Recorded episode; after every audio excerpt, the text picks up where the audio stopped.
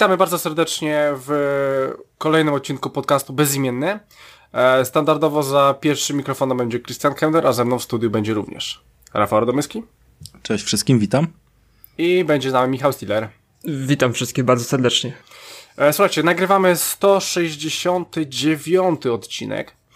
E, dokładnie 15 października, więc w połowie października 2020 roku. E, no i słuchajcie, w tym odcinku powiemy sobie może o czymś takim dziwnym. E, to w ogóle nie było zapowiedziane, to tak wyskoczyło mi teraz akurat, e, bo gra nazywa się Control.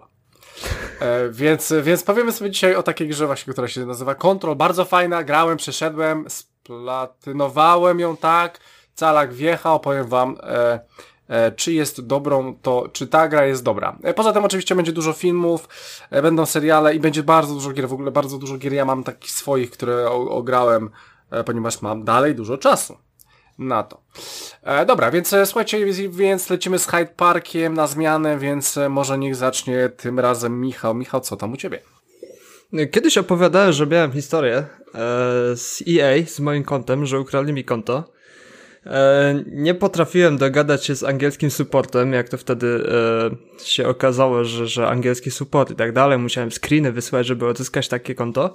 I zauważyłem ostatnio po przeglądnięciu tego całego supportu z EA, e, że jest bardzo wygodna opcja polska, jeśli chodzi o odzyskiwanie konta, jeśli chodzi o o po prostu kontakt z firmą EA z supportem, żeby po prostu coś z kontem zrobić. No i postanowiłem znowu zawalczyć o moje ukochane konto, bo okazało się, że to konto już było w ogóle nie do używania i cokolwiek odpaliłem, czy FIFA, czy, czy UFC, cokolwiek odpaliłem na konsolach, to od razu mnie wywalało do menu, mówiąc, że moje konto EA jest zbanowane i mam po prostu granie w te gry EA na konsolach jest po prostu niemożliwe. No to yy, postarałem się trochę, wziąłem tam, ciężko się dokopać do numeru e, e, telefonu, do, do supportu, ale dzwoniąc do nich to jest jedyna możliwość do zrobienia czegokolwiek na koncie, więc e, zadzwoniłem, za pierwszym razem miła pani, pani Sandra się przedstawia jako pani Sandra.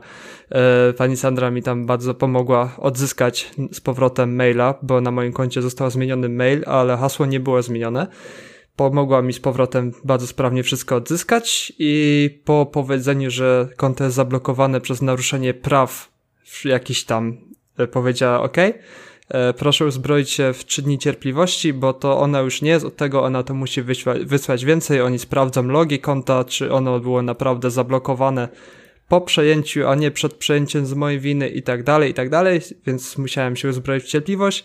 No i okej, okay. byłem zadowolony, odłożyłem telefon, kosztowało mnie to 3 euro, bo dzwoniłem oczywiście z niemieckiej sieci do, do polskiego EA Support, mhm. więc okej, okay, przeżyję.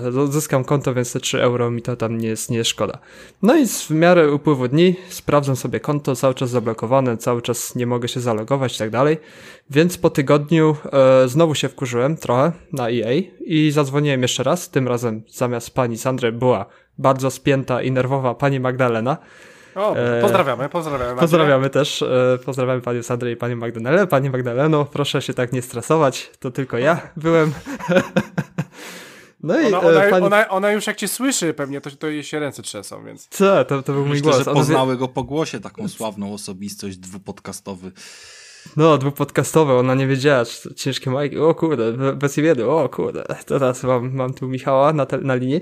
No i pani Magdalena mi pomogła, e, odblokowała mi wszystko, jedynie co było, to musiałem znowu zmienić hasło, znowu podać jej kod z emaila, czyli te wszystkie, te wszystkie, e, te wszystkie rzeczy, punkty, które tam trzeba spełnić, żeby jakoś, że to jesteś naprawdę ty podać i tak dalej. No i Okazało się, że jednym telefonem w 10 niecałych minut razem z muzyczką na czekanie, bo, bo ona za każdym razem, gdy wykonywała jakąś operację, włączała mi muzyczkę i się wyciszała, czego pani Sandra nie robiła, co było bardzo miłe i pani Sandra mówiła mi na ty, a pani Magdalena na pan, więc, więc e, Czemu była... ty mówisz pani Sandra dalej?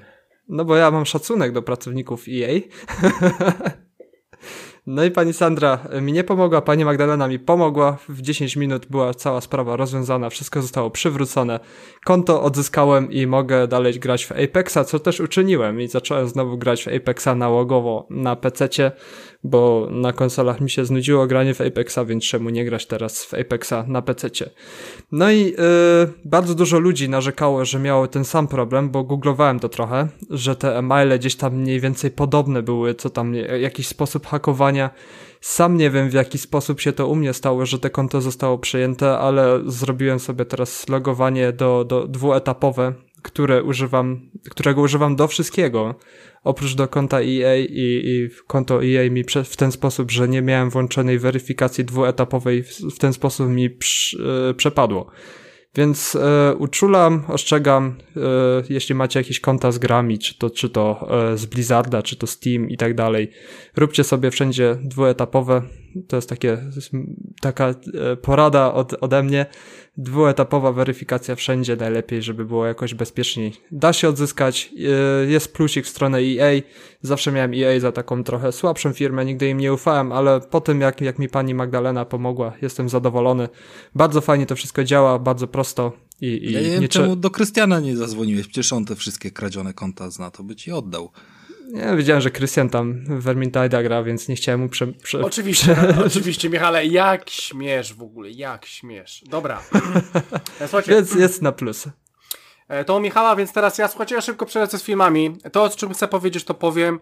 To po prostu, przez co chcę przelecieć, to przelecę. Gwiezdne Wojny, ostatnia część, powiem wam, że no najsłabsza. E, dobrze, że to się kończy. Adam Driver oczywiście zajebisty, nasza główna bohaterka z jasnej strony mocy e, dramat. I powiem wam jeszcze, cieka ciekawe rzeczy są z Gwiezdnymi Wojnami, e, bo e, zna e, znalazłem tam bardzo dużo takich elementów kompletnie, kompletnie, totalnie debilnych. E, no ale to Gwiezdne Wojny. E, dobra, słuchajcie, e, nie polecam. E, obejrzyjmy Rafale po tym twoim Enola, e, Enole Holmes. E, bardzo średnie. Naprawdę to było bardzo nudne, dla mnie przynajmniej. E, słuchajcie, obejrzałem jeszcze e, taki jeden film, może pora z tym skończyć na Netflixie, słuchajcie, bardzo popierdolony film, więc jeżeli macie ochotę na jazdę bez trzymanki, surrealistyczny film możecie, jak nie, no to e, daleko od tego, bo może być ciężko. Jeszcze dwa takie rzeczy, o których chcę powiedzieć naprzód, bajka naprzód, na HBO jest rewelacyjna Disneya, bodajże dokładnie Pixara. To ta ostatnia.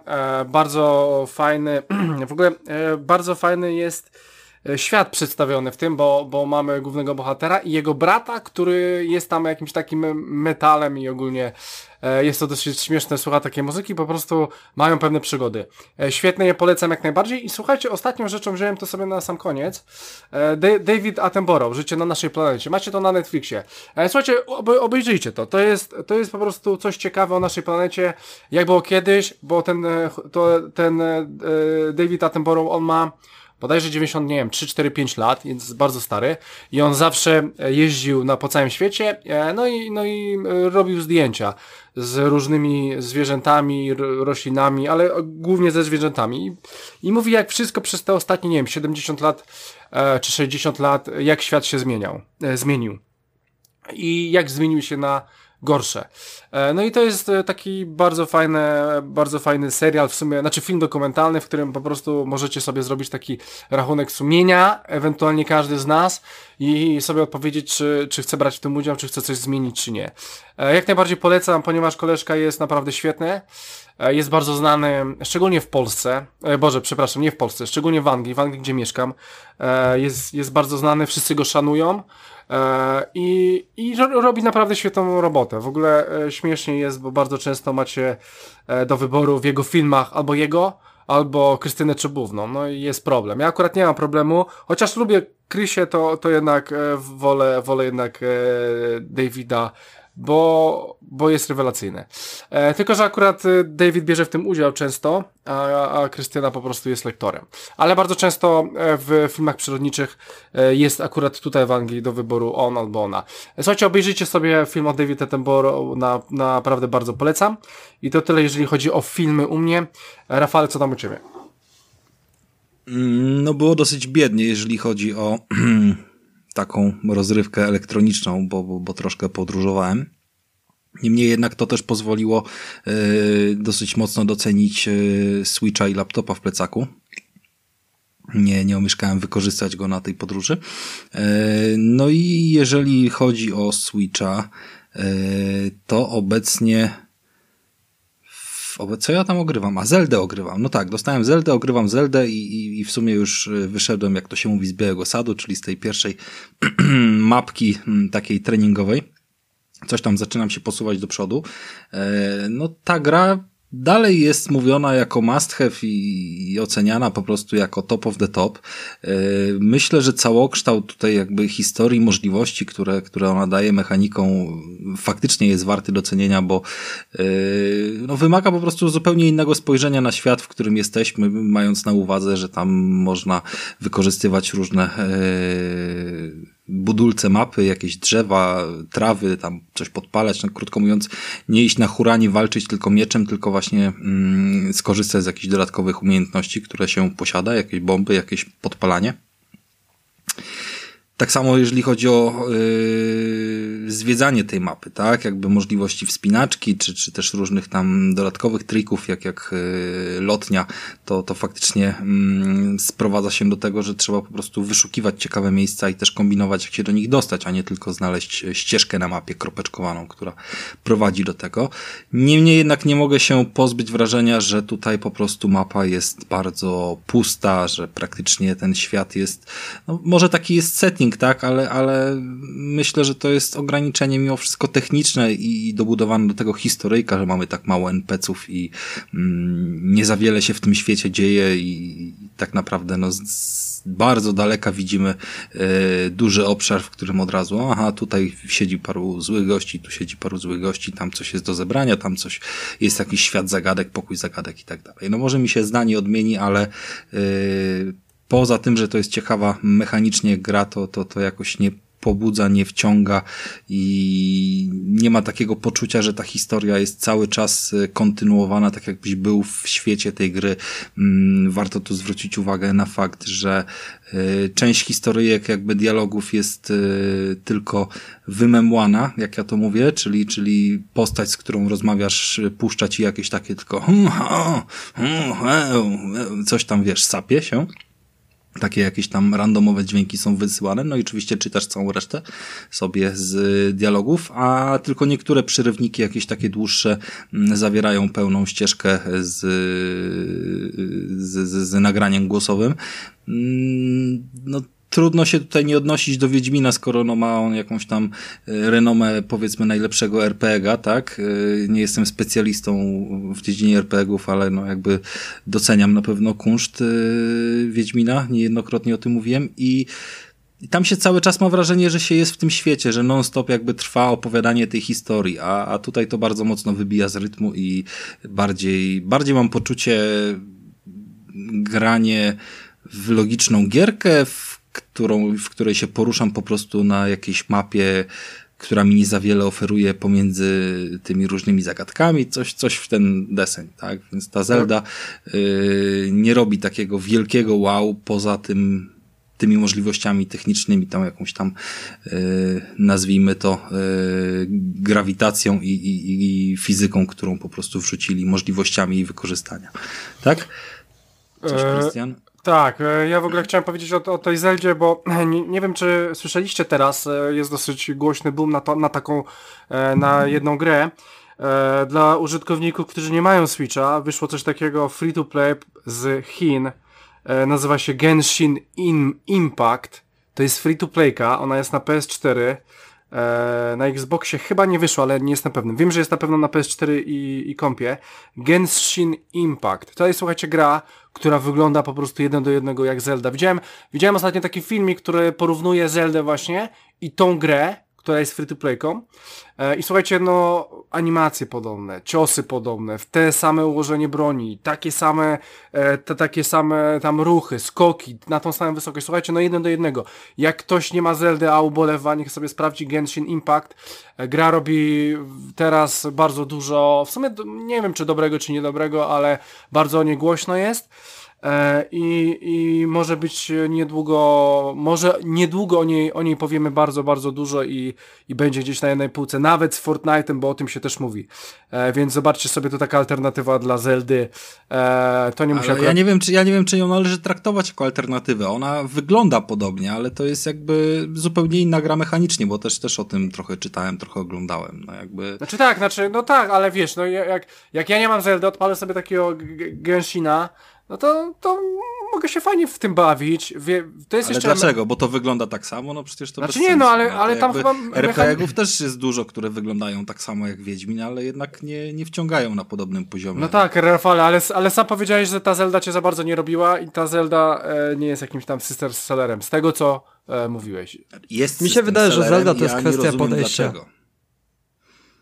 Ty nie rozumiesz dlaczego co? Ja nie rozumiem, dlaczego ona jest system sellerem, ale to nie Aha. zmienia faktu, że jest system sellerem. No, co by nie było, Animal Aha, Crossing okej. też jest system sellerem, który jest no, dla mnie grą y, upośledzoną i opartą o, o, o jakby wiesz, y, w styl gierki facebookowej, nie? Z sadzeniem i zbieraniem i wracaniem cały czas tam co 5 minut do tej gry i uzależnianiem, krótko mówiąc, E, gracza. Więc e, Michał, to, że ja coś, tego nie rozumiem, nie znaczy, że tak jest. E, Mi- Michał, coś chciałeś powiedzieć? No, mi się wydaje, że Zelda jest na tyle silną marką, że nie wiadomo, e, obojętnie jakie by, by nie było, to, to ludzi to przyciągnie. No a, a to jest tutaj fenomen na Switchu, że to jest taki wielki świat raczej e, w kieszeni. I mamy multum możliwości i grę na setki, setki godzin, którą możemy cały czas gdzieś tam mieć przy sobie w podróży, więc mi się wydaje, że to robi największą robotę.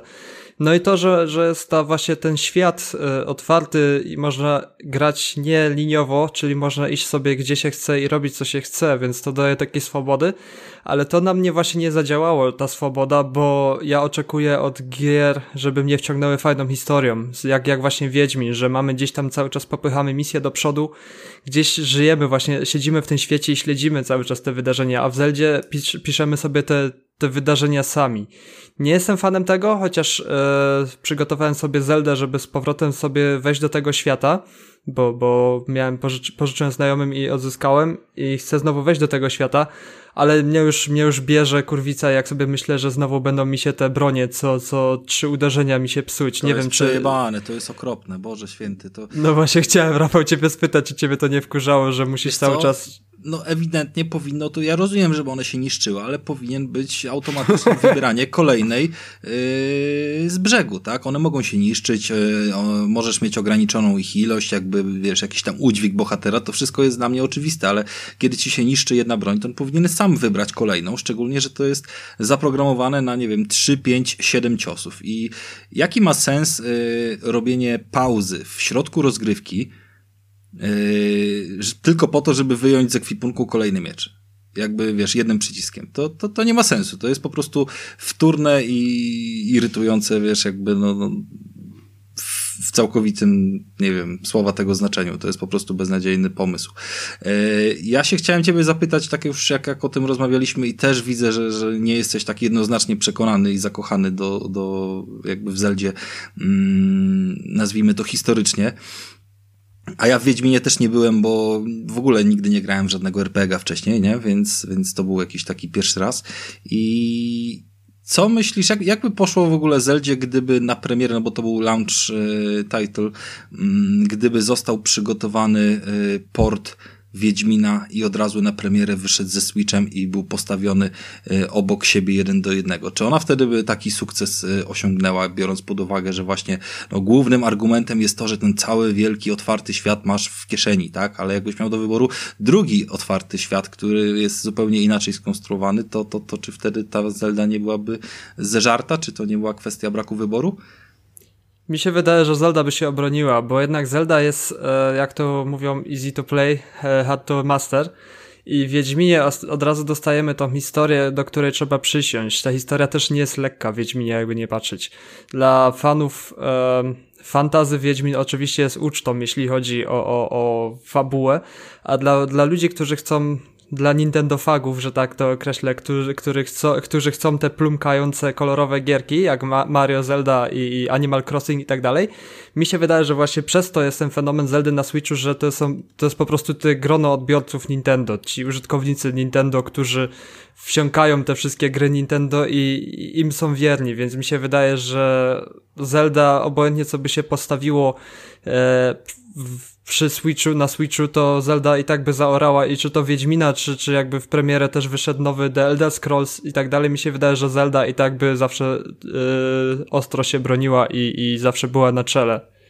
No kumam. No zobaczymy, zobaczymy, może ta historia potem będzie bardziej wciągająca, bo jednak jakaś ona tam jest w tle i moment, w którym dostałem jakieś pierwsze lepsze wideo i, i, i trochę tam wciągnięcia w tą fabułę, to, to faktycznie ją poczułem bardziej, bo to samo bieganie po mapie było takie wy, wy, wynudzające, aczkolwiek yy, no, no też samo kombinowanie z tą rozgrywką też, też miało swój urok, no zobaczymy. Więc, no tu po prostu pewnie... trzeba mieć takie... Um uciechę z odkrywania takich rzeczy, jak nie wiem, zrzucanie jabłko z drzewa za pomocą kija. To właśnie, to właśnie ta swoboda no, rozrywki przekonuje do tej... właśnie jakiejś tam dużej ekipy, której nie jesteś w stanie mieczykiem pokonać, ale że, że wejdziesz sobie na górkę i będziesz na, napierdzielał do nich tam kamieniami i bombami, to, to wiesz, sprytny. Dokładnie i to jest właśnie gra, która sprytny cieszy chujek, takich ludzi no. tak samo jak Animal Crossing, ludzie co oglądają animacje łowienia ryby i, i za każdym razem opis ryby i tak dalej, więc to jest dla takich ludzi gra po prostu. No kumam. Dobra, no to ja tyle w pierwszym rzucie. E, Michale? E, serial mam, serial mam. O, ciekawe! To jakiś serial oglądasz ostatnio? Opowiem jak oglądałem serial. No, no, okej. Okay. I Krystian do mnie napisał, żeby grać, ale oglądałem serial. Nie, no pewnie. Nawiedzony do, dwór w Bly. To jest nowość na Netflixie. A to jest i... serial? To jest serial, no. A nie było coś takiego nawet nawiedzony dwór też serial? Nawiedzony dom na wzgórzu było. Aha, dobra, okej. Okay. To, to I właśnie nie wiem, dlaczego mnie to ominęło i wciągnąłem się w nawiedzony dwór Blaj i przez to muszę się teraz cofnąć krok w tył i sobie zobaczyć nawiedzony dom na wzgórzu. Mhm. Ale nawiedzony dw- dwór w Blaj e, to jest nowość na Netflixie, pojawiła się chyba w zeszły piątek czy w sobotę, jakoś, jakoś, jakoś e, teraz niedawno. Oczekiwałem horrorów, bo jak już wspominałem, e, jesień to dla mnie czas, okres horrorów i tak dalej. Oglądam sobie horrory, czytam sobie e, Stephena Kinga i gdzieś tam w tych horrorach zawsze siedzę w tym ciężkim klimacie i stwierdziłem, ok, nawiedzony dwór w Bly to może być e, serial, który do mnie przemówi, bo, bo, bo ma fajny taki ciężki klimat, ten dwór. E, coś przypominało mi ten, ten dwór, jak, jak opowiadałem już serial Lock and Key, więc, więc gdzieś tam te klimaty się razem trzymają. I serial na początku zaczyna się dosyć ciekawie. E, bo pokazuje taki bardzo tajemniczy, tajemniczy świat właśnie na tym dworze, na tym dworku. Czyli przyjeżdża opiekunka Dani, e, która ma się zajmować dwójką dzieci, Milesem i Florą i od razu widać, że coś tam w tym świecie, w tym dworze w Blaj jest nie tak. E, właśnie zaczęło się to horrorowo. Chciałem, oczekiwałem, żeby to było horrorowe, ale gdzieś tam z tego horroru zrobiła się telenowela miłosna, gdzie sprawiło to, że nie pykło to bardzo, bardziej u mnie, bo myślałem, że będzie to jakieś e, odwalone horror i, i że się wystraszę kilka razy, że, że będzie mnie to trzymało cały czas gdzieś tam w napięciu. Oczekiwałem tego strzału adrenaliny, a dostałem historie miłosne, e, które stały się głównym motywem tego serialu, co mi się trochę nie spodobało. Oczekiwałem czegoś innego, dostałem historie miłosne, chociaż nie mówię, że to jest złe, jest spoko, bo ciekawe są te historie miłosne. To nie są jakieś, jakieś złamanie serca, tylko coś głębszego jest w tych historiach. I, I tutaj nie będę właśnie więcej mówił, bo to by było już spoilerowanie tego, tego serialu. Ale właśnie przez to, że e, ten zaczyna się jako horror, a kończy się troszkę inaczej, odbiera u mnie trochę e, ocenę tego serialu, ale jest, jest w całokształcie jest bardzo spoko. Trochę zrobi się zamieszanie i podobały mi się właśnie te dwoje dzieciaków, co tam są, bo myślałem, że największe schizy właśnie będą z tymi dzieciakami i dzieciaki zagrają świetne role, jak, zarówno jak i ta dziewczynka, która gra Florę i, i chłopiec, który gra Milesa. Uwielbiam postać Milesa, tego jak on się zachowuje w tym serialu i, i jakie ma różne, różne ciekawe fazy. Fajnie jest to pokazane. Połączenie gdzieś tam świata duchów, e, świata złamanych serc, telenoweli, klan, M jak miłość, e, z dodatkiem trochę horrorów. To wszystko jest na nawiedzonym dworze w Blaj. I właśnie e, jak zacząłem gdzieś tam przeglądać e, informacje na temat tego serialu, to dużo ludzi odnosi się też do tego serialu Nawiedzony dom na wzgórzu. Nawet czcionka na, na e, obrazku serialu, seriali jest taka sama, bardzo podobna I podobno ludzie, którzy oczekują właśnie horroru, powinni o, oglądać Nawiedzony Dom na Wzgórzu, a Nawiedzony Dwór w Blaj po prostu zostawić tym, którzy oczekują czegoś innego, na przykład historii miłosnej. O. Więc hmm. e, następną pozycją będę oglądał serial, to będzie Nawiedzony Dom na Wzgórzu, bo to ma więcej z horroru i podobno bardziej trzyma w napięciu. Jest na plus, ale jakoś mnie nie zaorało, więc yy, polecam. Jak na jesienne wieczory jest to bardzo fajna pozycja. Pasuje do, do jesiennej aury. Mhm. E, dobra, słuchajcie, to teraz ja, ja teraz powiem też o serialu. E, o serialu, tak, o serialu. Słuchajcie, e, ale powiem dwie, dwie rzeczy. Pierwsza rzecz to jest taka, że słuchajcie, mój, jeden z moich ulubionych serialów, e, nie wiem, chyba słyszeliście, chyba wczoraj to wypłynęło, dostał... Dexter! Tak, o Boże, słuchajcie, 8, 8 sezonów obejrzałem. Rewelacyjny, to jest serial, który mu daje 10, on ma, on ma wszystko. E, być może pod koniec, e, pod koniec e, był troszeczkę gorszy, ale i tak ca całokształt rewelacyjny serial. Właśnie, właśnie dostaje po chyba 8 latach, dostaje dziewiąty sezon. Niby tam jakiś limitowany, niby coś tam, 10 odcinków, super 10 wystarczy.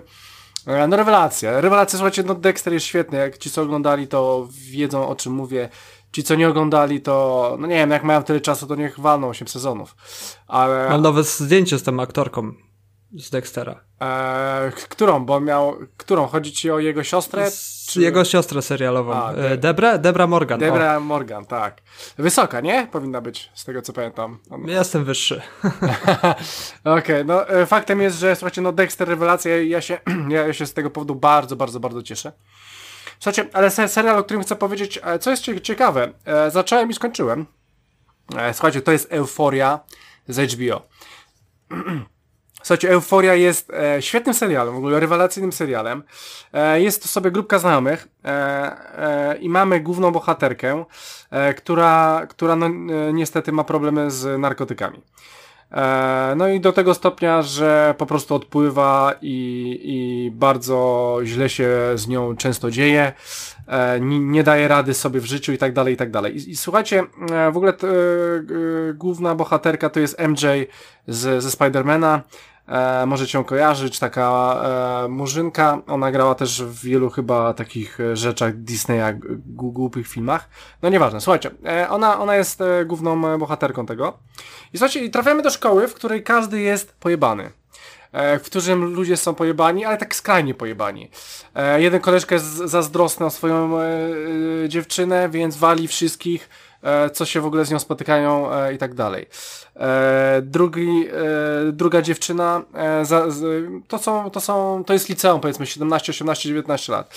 Druga dziewczyna tak sobie pomyślała, że będzie zarabiać sobie na kamerkach, nie? I jest sobie, jest sobie na kamerkach.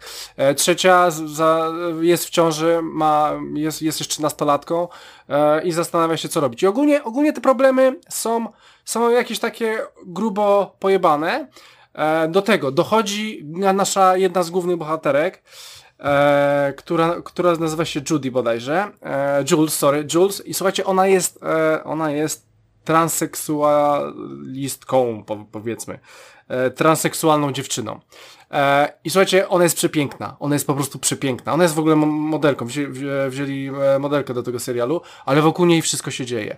I słuchajcie, ten serial jest o, e, taki trochę młodzieżowy, ale jest bardzo pokurwiony, jest bardzo hardkorowy. Są hardkorowe sceny seksu, nawet nie tyle seksu, co po prostu fiuty latają wszędzie i to tak latają. E, jest wszystko pokazane, jak koleżka wali sobie przy czymś, e, przy, przy jakiejś tam kamerce i normalnie jest to pokazane, jak sobie wali i to tak 50 sekund, więc e, ogólnie, ogólnie oczywiście adult 18+, plus, jest mocno kontrowersyjny i słuchajcie, ma zajebistą muzykę. Jak, jak oni wjeżdżają, w, jak ona wjeżdża w te prochy i tak dalej, muzyka, impreza, na imprezie, nie wiem, ludzie się walą, ci, te dzieciaki robią co chcą i po prostu, e, i po prostu e, dobra taka muzyka, ale jakiś tam rap albo jakiś tam grube techno wjeżdża na imprezę, rewelacja. E, słuchajcie, ta, e, ten serial ma bardzo, bardzo dobrych aktorów, bardzo dobrze poprowadzoną fa fabułę i po prostu ci aktorzy są świetni. Dwóch, trzech robi po prostu ca cały serial i robi go naprawdę na wysokim poziomie, więc Euforia jest naprawdę świetna.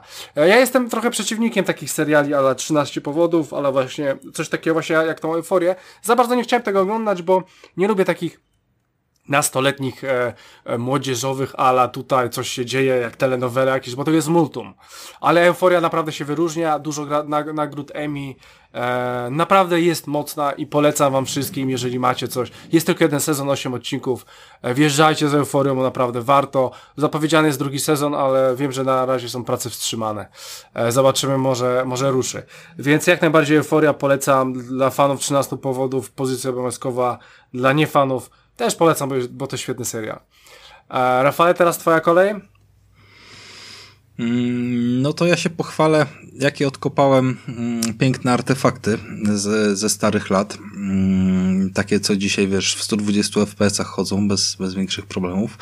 E, no może trochę przesadzam, bo w sumie gra wcale nie wygląda brzydko e, i jest to, jest to Portal dwójka.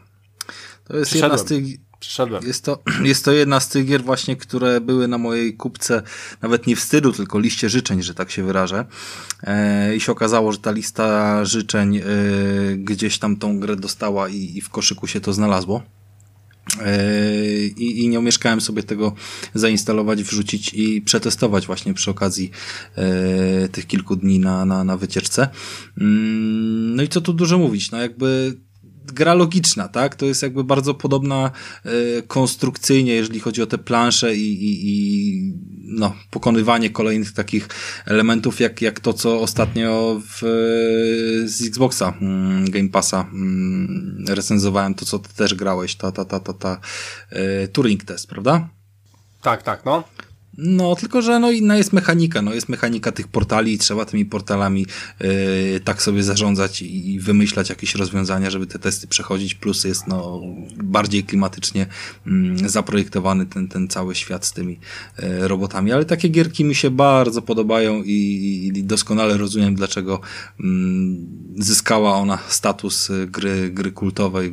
Ogólnie ten efekt tego, że portal jest zrobiony i ty od razu widzisz y, w nim siebie jakby z, z odpowiedniego ujęcia, jeżeli tak oczywiście te portale są skonstruowane z odpowiedniego kątu, piękny, piękny efekt i robiący naprawdę wrażenie. Czasami można sobie y, zakręcić nieźle w głowie i, i nie skumać, y, co gdzie jest tak naprawdę, no bo się wszystko dzieje w kilku wymiarach, można powiedzieć, tak, że, że jak to przeskakiwanie jest między portalami, z których jeden jest w ścianie, drugi w podłodze albo w suficie, to, to się troszeczkę to wszystko naprawdę miesza. Ja, y no. Tak? Y, ja w ogóle nie wiem, czy portal przypadkiem nie zapoczątkował e, w ogóle tego typu rzeczy na zasadzie e, w 3D. Bo e, ja lubię takie gry, Rafale, tak samo. Portala przeszedłem i powiem Masz ci... na myśli takie zagadkowe, że plansze tak, z zagadkami? Tak, tak, ale w 3D. Chodzi mi, chodzi mi o Może 3D. Tak bo on by, on jest, to jest bardzo, bardzo stara gra. Eee, w ogóle dwójka wyszła, Rafale, nie wiem czy wiesz. No ja nie. właśnie w dwójkę gram. A, w dwójkę, no, no, no, bo jedynka to był chyba dodatek do, fala, do Half-Life'a w ogóle. Tak, to, to Orange, było... Orange Box to był Orange wtedy. Box, tak, dokładnie. Orange Box i tam było chyba pięć e, części. E, był ten Team Fortress i był właśnie Portal 1. E, faktem jest, że tak mi się po prostu wydaje, że, że Portal zapoczątkował e, właśnie tego typu rzeczy. E, później się tego trochę wypisało, e, wysypało. A The Witness, Rafale, ogarnąłeś? Nie, The Witnessa jeszcze nie, nie To pozycja obowiązkowa, bo to jest taki, to jest to samo, ale na bardzo wysokim poziomie. I to na, na bardzo wysokim poziomie. No i dobrze, też jest na liście. Ja bym chciał jeszcze skończyć yy, Talosa. Yy, Talos też jest właśnie grą tego typu, gdzie jakimś tam robocikiem się tak, tak, tak, tak, no. biega, rozwiązuje zagadki. One się tam też zmieniają. No tam kiedyś o tym rozmawialiśmy i on też sobie czeka i, i, i kiedyś go pewnie dokończę w, w jakiejś wolnej chwili. ale mam takie pewne przemyślenia, jeżeli byśmy teraz mogli mm, wrzucić, bo one mi się z tym tematem e, dosyć jednoznacznie mm, wiążą. E, na chwilę się e, odniosę do Playki, która ostatnio pokazała taki mm, filmik z, z rozgrywką tam z tego nowego Spidermana i porównanie bezpośrednio jak wyglądało wychodzenie z budynku mm, w oryginalnym jakby Spidermanie na PS4 i wychodzenie z tegoż samego budynku, czy tam powiedzmy w podobny sposób z y, Moralesem już, nie? Mhm. I to było tak, że w jednym filmiku masz 18 sekund e, ekranu wczytywania, zresztą bardzo ładny ekran wczytywania, do, jakby specjalnie to podkreślam, bo raz, że on jest graficznie fajnie zrobiony, tam jakby na bieżąco sobie można kamerą regulować ten wizerunek e, pająka, plus jak już nas gry przyzwyczaiły od dosyć dawna, myślę, że już z dobre dwie generacje, mm, to na tych ekranach ładowania mamy wyświetlane podpowiedzi różnego rodzaju.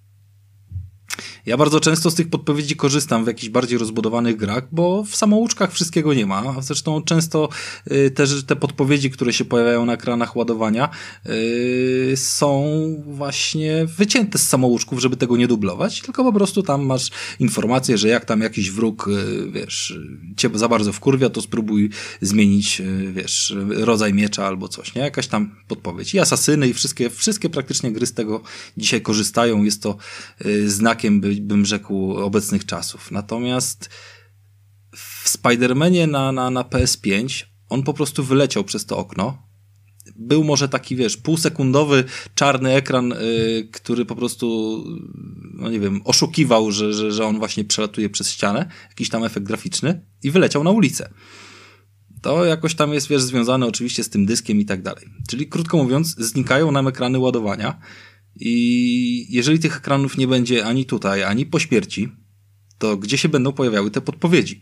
Jeżeli cała gra będzie mogła być skonstruowana tak jak ten portal, że przechodzimy sobie z tego, wiesz, jednego okienka do drugiego i, i jakby nie wiąże się między przejściem z planszy do planszy, albo umiejętności, albo trybu gry, albo czegokolwiek, nawet jakaś tam specjalna chwila ładowania, no to gdzie będą te wszystkie podpowiedzi? Będziemy musieli mieć zupełnie inną konstrukcję tych gier. No tak, tak, tak. To... Tym bardziej, że gierki z From Software, czyli wszystkie Soulsy i, i Bloodborne mają e, w ekranach ładowanie podpowiedzi do przedmiotów, które są istotną częścią całej no fabuły no, i bardzo, bardzo dużo właśnie o tych przedmiotach mówią, więc, więc jakby nie no, ale, będzie, jak ale... nie będzie no. no, znaczy właśnie to chcę powiedzieć, że to są często bardzo istotne rzeczy y, nie tylko pod kątem samej rozgrywki, ale też y, fabularnie, tak? From Software akurat nie grałem w żadną grę, ale yy, czego też już nie chciałem wpychać do, do dzisiejszego Hyde Parku, yy, kończyłem Crasha dwójkę, tak? Żeby wreszcie go skończyć na 100%, mieć tam miałem raptem, wiesz, ze dwa światy jeszcze do, do kończenia. Yy, no i tam się zbiera jakieś kryształy, jakieś są ścieżki poukrywane, jakby nie tylko chodzi o przejście całej planszy, tylko zdobycie tych, tych y, ukrytych sekretów sekretów znajdziek. I tam właśnie na ekranie ładowania jest informacja, że na tym levelu znajduje się jakaś tajna, tajna ścieżka albo coś w tym stylu, nie? No i jakby nie ma tej informacji. No, będzie, będzie to musiało być w jakiś inny sposób wykorzystane. Na, na wiele różnych sposobów myślę, że twórcy będą musieli się teraz pogimnastykować, jeżeli będzie, będzie faktycznie ta zmiana. I tak, tak po prostu mnie ta dzisiaj myśl dopadła. Yy, tym bardziej w kontekście gier, które jednocześnie będą wychodziły na y, starą generację, gdzie będą ekrany wczytywania i będą się musiały te podpowiedzi y, pojawiać i załóżmy na nowej, gdzie zostaną zredukowane do minimum i nawet nie zdążymy przeczytać tej podpowiedzi. Tak, ja sobie jeszcze, jeszcze pomyślałem, że akurat w Demo Soulsach e, ludzie zostawiali na e, ziemi jakieś podpowiedzi. Z tego co pamiętam. To jeszcze ewentualnie wtedy... Ale to tylko są podpowiedzi do tego, co może być za ścianą tak, i tak, czasem tak. fake podpowiedzi, ale tu tak, chodzi raczej o, o, opisy przedmiotów i, i o lore, informacje. No jest, jest. Tak, no jakby konkretna informacja, że na tego demona może akurat tak, jakiś tam wiem, miecz chodzi. zbudowany, wiesz, z końskiego no, to, kału albo coś, tak. nie? To, to jest ciekawa sprawa. Faktycznie to jest ciekawa sprawa, bo, bo czasami z tych podpowiedzi w wielu grach, czy w RPGach na przykład pamiętam e, właśnie użyj tego skilla albo coś tam, czy chyba, nie wiem, czy nie w Wiedźminie, czy w innych w ogóle tego typu rzeczach. W Wiedźminie było tego mnóstwo, no nawet no, jakby, no, wiesz, no. życiowe rady typu nigdy nie jest żółtego śniegu albo coś, no jakby to, to, to jest po prostu świetna platforma do tego, szczególnie, że większość gier umożliwia przewijanie tych porad i po prostu nawet jak ten ekran jest długi, to y, przynajmniej przez pierwsze kilkadziesiąt y, ekranów ładowania y, sobie dowiadujesz się nowych rzeczy, tak? Czy tam one się dopasowują do, do sytuacji, nie? I teraz nagle będziesz tak, musiał mieć jakiegoś asystenta albo nie wiem. Ta, ta, wiecie co, tak sobie pomyślałem, że jak ten, ten Godfall wychodzi, nie? Za 350 funtów, nie? E, Boże, 350 zł i tak sobie pomyślałem, jak, jak on faktycznie nie będzie miał ekranów czytywania takich i podpowiedzi żadnych, to może już jak ludzie płacą te 350 zł, to mogliby instrukcje e, wrzucić do pudełek, tak jak kiedyś były te instrukcje, nie wiem, czy pamiętacie w ogóle instrukcje. Powrót do książeczek. Tak, dokładnie, to byś miał dokładnie, tutaj trzeba kliknąć to, tutaj jak A Krystian, a, a, a przeczytałeś, Boże, nie przeczytałeś, obejrzałeś w końcu y, tego, jak to się nazywa? Mhm. No ten dokument o grach, tego Hikescora? Nie, nie, nie, jeszcze nie. Jeszcze nie, ale na pewno go obejrzę. No to obejrzyj sobie, bo już kończąc ten wątek, który tutaj tak y, bezczelnie wtrąciłem. Poczekaj, bo ja mam też swój, no. No, to tam y, było właśnie też nawiązanie do tego, y, jak sobie kiedyś y, w Stanach radzili, mm, gdy zaczęły wychodzić takie duże gry, RPG czy tam jakieś inne i gracze chcieli, no, no chcieli grać dużo, ale nie można było doprowadzić do tego, że jakaś gra będzie dla nich za trudna, a nie było internetu. Aha, wiem oni, tak, tak, tak, były po prostu infolinie całe graczy, były rekrutacje graczy, którzy są przekotami. Oni robili sobie w zeszytach całe, wiesz, rozrysowane mapy, gdzie należy coś znaleźć, żeby przejść dalej, żeby coś zrobić. I to było po prostu przewspaniałe zobaczyć te materiały, jak oni się tam, wiesz, mm, koksili, jak oszukiwali, jakie tam robili cuda, wiesz, jakie były wymagania rekrutacyjne w ogóle na te stanowiska, nie? To, to, to po prostu niesamowite, y, że coś no. takiego kiedyś istniało i że po prostu mogłeś mieć infolinię zamiast, wiesz, y, opisów w internecie czy w gazecie. Zresztą to był początek jakby, który pisma branżowe, wiesz, y, wypuścił, w których poradniki się zaczęły mm, ukazywać, tak? To, to jakby było jeszcze przed tym. Mhm. No więc myślę, że teraz będziemy na kolejnym etapie kolejnego kroku jakiegoś y, ewolucyjnego w tych grach. No pewnie nie we wszystkich, ale, ale część z nich będzie musiała coś wymyślać nie, nowego, no, co będzie do nas tak. zagadywało. Co, coś trzeba będzie z tym zrobić, Rafale, no zobaczymy. E, dobra, słuchajcie, nie przeciągamy, bo jeszcze dużo tematów. E, Majkę, co tam ty masz? O, znowu, znowu ja. E, spelanki, dwójka. Świeżynka, nie świeżynka, różnie można świeżynka, to świeżynka, nazwać. Nie, spelanki to świeżynka, no. no A dlaczego świeżynka? Bo dwójka? Właśnie nie.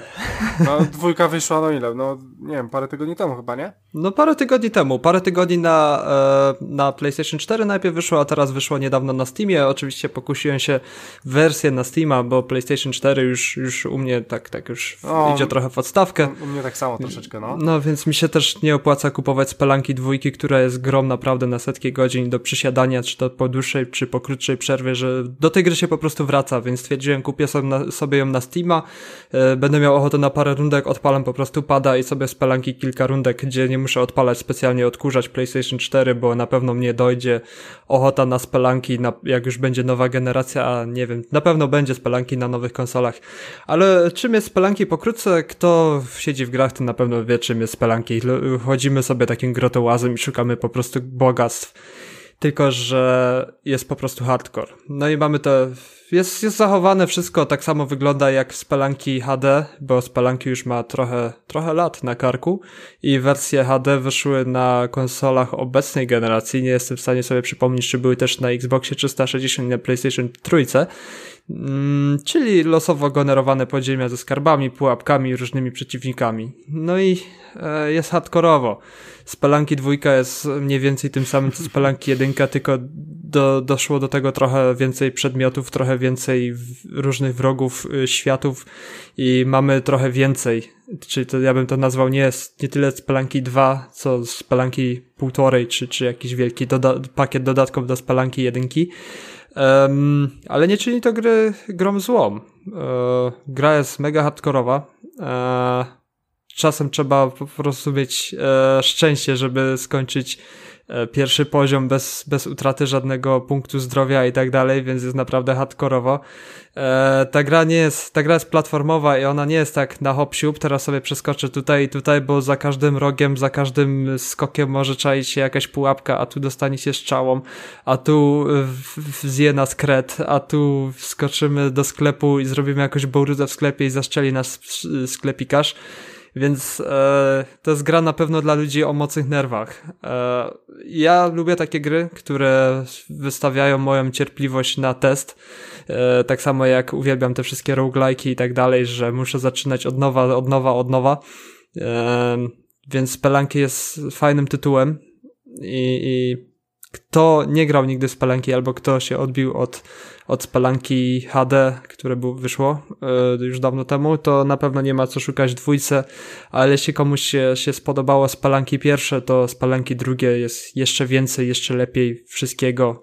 Yy, chyba dużo nowych mechanik doszło, wiadomo, są te standardowe mechaniki jak rzucanie granatami i, i rzucanie linkami, żeby się gdzieś tam wspiąć po platformach, ale też doszły nowe przedmioty, sklepik, można wszystko kupować, bronie jakieś i, i ofiary, dużo jest tam fajnych mechanik. Po prostu gra dla cierpliwych, którzy nie boją się podchodzić do gry 200-300 razy, nawet więcej razy.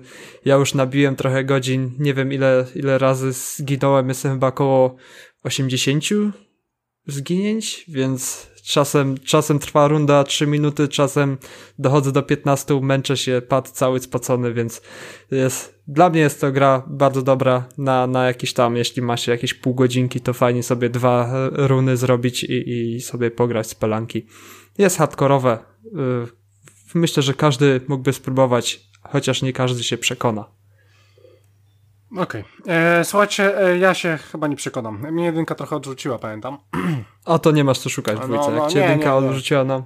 E, chyba, że w, w pasie kiedyś wpadnie, to, to, to, to mogę sobie obczaić. E... Na razie nie ma na Xboxie, chociaż to jest idealny tytuł tak, na tak. Switcha, żeby gdzieś sobie rundkę strzelić z pelanki na Switchu i mi się wydaje, że to jest kwestia czasu, że na Xboxie i na Switchu też będzie.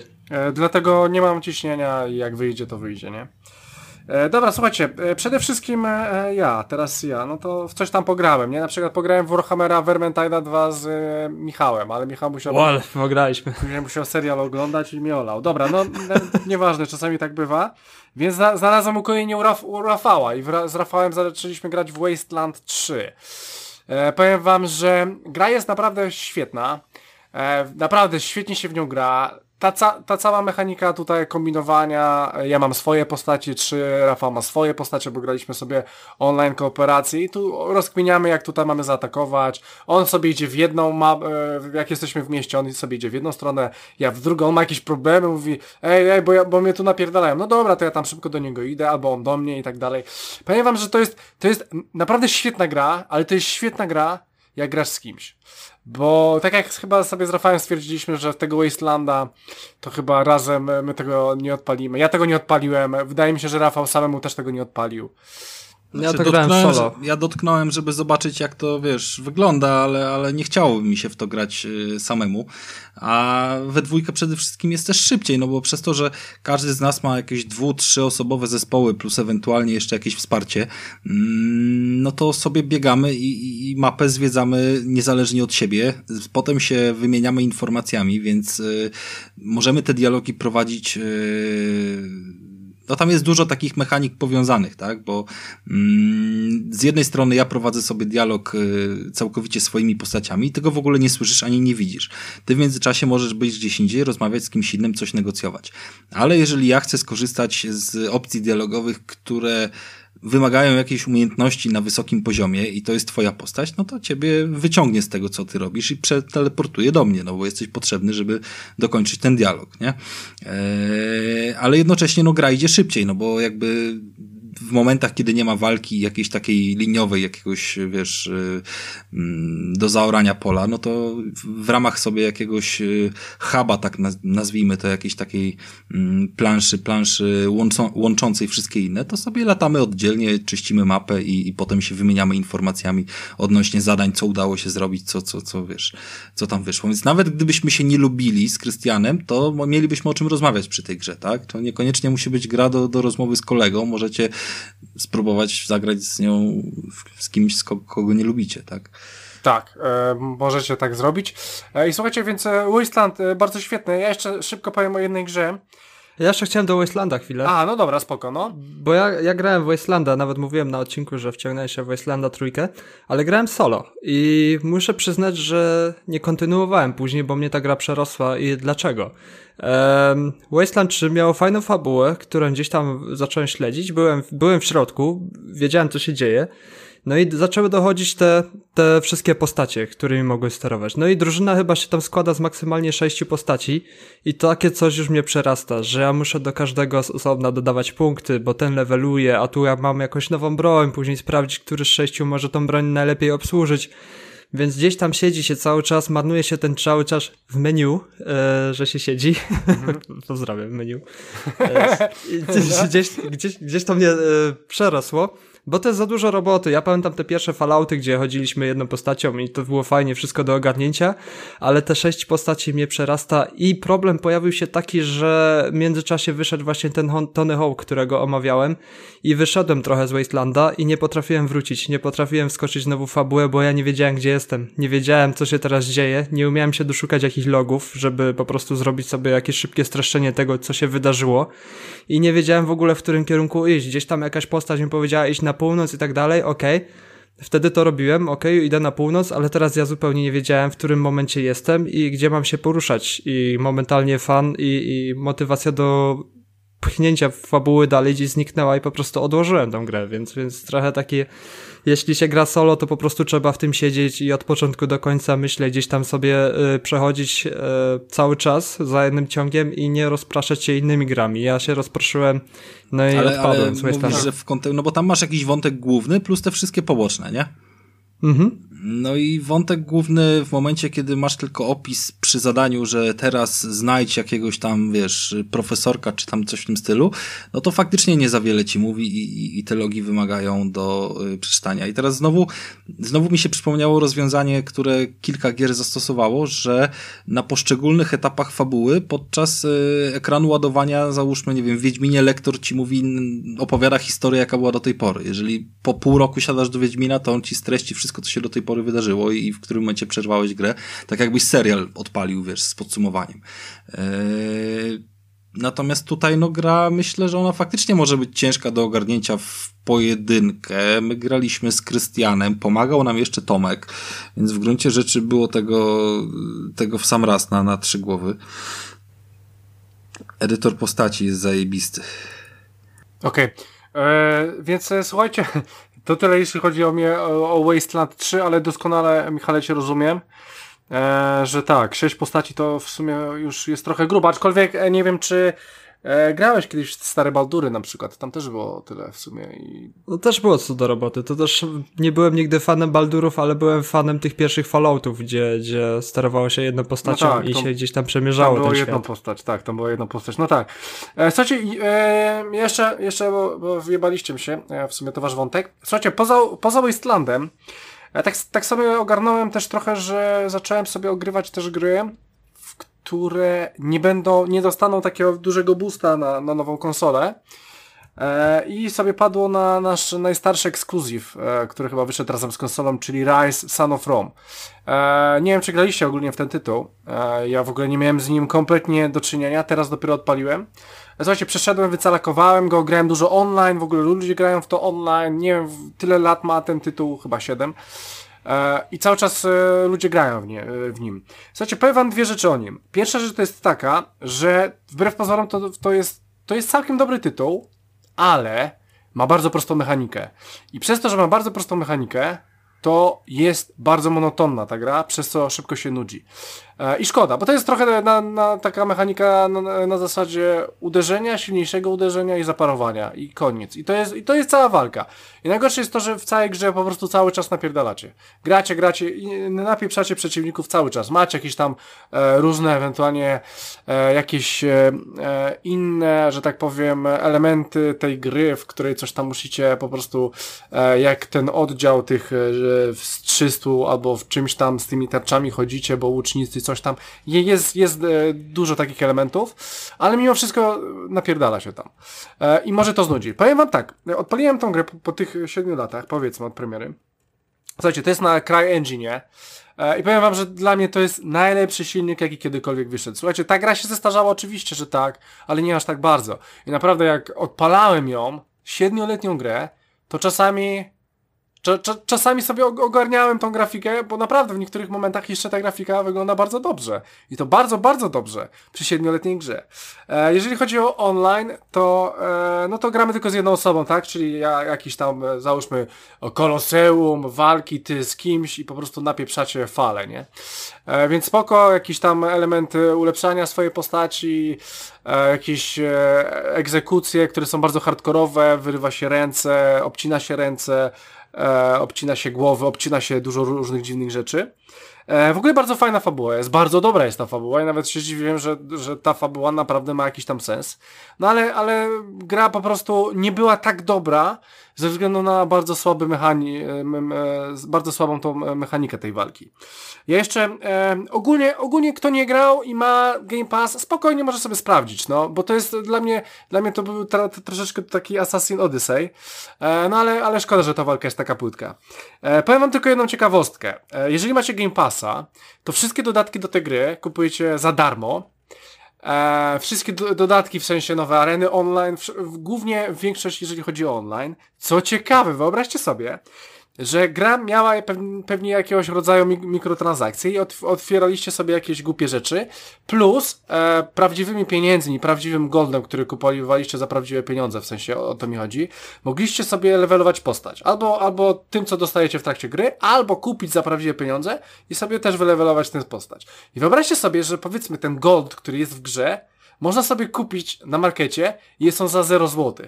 Więc możecie sobie kupić ten gold, który jest w grze, nie wiem, ile, ile chcecie za darmo, on kosztuje chyba po, po 200 zł chyba był, bo to jest chyba, nie wiem czy nie ma skreślonej ceny 200 na zero, więc możecie sobie kupić max, otwierać sobie tyle skrzynek ile chcecie i otwierać i wymaksować swoją postać już od, od początku gry, bo po prostu chyba twórcy stwierdzili, że już nie będziemy brali z tego pieniędzy i, i wjeżdża w was, więc to jest troszeczkę taka też ciekawostka, że wszystko, kompletnie wszystko jest w tej grze za darmo. E, ogólnie ja się bawiłem bardzo fajnie e, i ogólnie polecam. Jak macie Game Passa, to sobie sprawdźcie. A na czym tam multi w ogóle polega? E, no, no, no tak jak mówiłem, że ja, ja wchodzę z tobą na arenę, na Koloseum i mamy falę przeciwników, nie? No i tutaj musimy je zabi ich zabijać, zabijać. Aha, że się nie ciachamy z innymi ludźmi, tylko po prostu robimy jakieś kołopowe misje. Tak, że tak, tak. walczymy. To robimy tak jak w Gearsach byśmy razem grali i byłyby kolejne fale przeciwników. Horda, horda, horda. Czyli coś jak Vermintide. E, tak, w którego uwielbiasz grać. E, poza serialami. Więc e, to by mniej więcej, e, tak to by mniej więcej wygląda. Tam są jeszcze takie misje, że idźcie do jednego punktu w dwójkę i go chroncie i idą fale przeciwników wszędzie, wy tam czachacie się z nimi i tak dalej. E, są jeszcze jakieś tam dodatkowe bóstwa, jakieś tam Apollo, Zeus, jakieś takie rzeczy, one dają wam e, skilla i tak dalej, bo tam, e, mówię, troszeczkę postać można polepszyć. Ale jest to naprawdę bardzo fajne. Mówię, ja scalakowałem całą grę. E, w sumie gra ma 2000 e, punktów, zrobiłem 1040, bo dokładnie. E, to, to po prostu polecam. Polecam, macie Game Passa, sprawdźcie sobie, naprawdę ładnie jeszcze to wygląda, e, no tylko, że ten, ten, ten mechanika, więc e, może, nie, może nie, nie wjeżdżajcie w to jak e, w w pole buraków albo ziemniaków, tylko po prostu co jakiś czas sobie odpalajcie i sobie fajnie przejdziecie, poznacie fajną fabułę. E, dobra, to tyle jeżeli chodzi o syna Rzymia Rzymu, Rzy, Rzy, Son of Rome. E, Rafale? Mm, no chyba pas z mojej strony, nic nie wrzucam jeżeli chodzi o jakieś filmostki i, i inne tego okay. typu rzeczy. E, no dobra, to Michael, coś jeszcze masz? Jeśli mamy dużo tematów jeszcze do obgadania, to też mogę spasować. E, dobra, no to wypadałoby, żebym ja spasował. Nie no, Krystian, obiecaliśmy, że damy ci tym razem o kontrolu powiedzieć. Więc... Tak, tak, ja o kontrolu myślę. Tak, tak, ale nie, o, o kontrolu powiem, mamy jeszcze godzinę, ale jeszcze, jeszcze mam dużo gier, które grałem, które są dosyć ciekawe. E, wiecie co, jedną grę sobie zostawię na później. E, powiem, że przeszedłem Neon Abyssa. Czy ty wiesz, Michale, jak przejść Neon Abyssa? E, trzeba dużo grać i powtarzać. Tak, i ale, ale, ale wie, musisz wiedzieć, że czwarty boss odpali się w pewnym momencie i ostatni boss też się odpali w pewnym momencie. Ty musisz sobie... Ale że, że jak? Że losowo? Tak, nie. E, żeby, bo przeszedłeś trzech bossów? Tak, trzech przeszedłem. Dokładnie. I jak grasz czwartego nie masz. Czwartego będziesz miał tylko i wyłącznie wtedy, kiedy będziesz miał te czerwone serduszko, czyli, czyli kiedy będziesz poświęcał swoje serce, pamiętasz? U Hadesa bodajże. Mm -hmm. I będziesz poświęcał na tyle dużo, że w pewnym momencie jak poświęcisz, to dostaniesz tokena, dzięki któremu zawalczysz z Hadesem na końcu gry.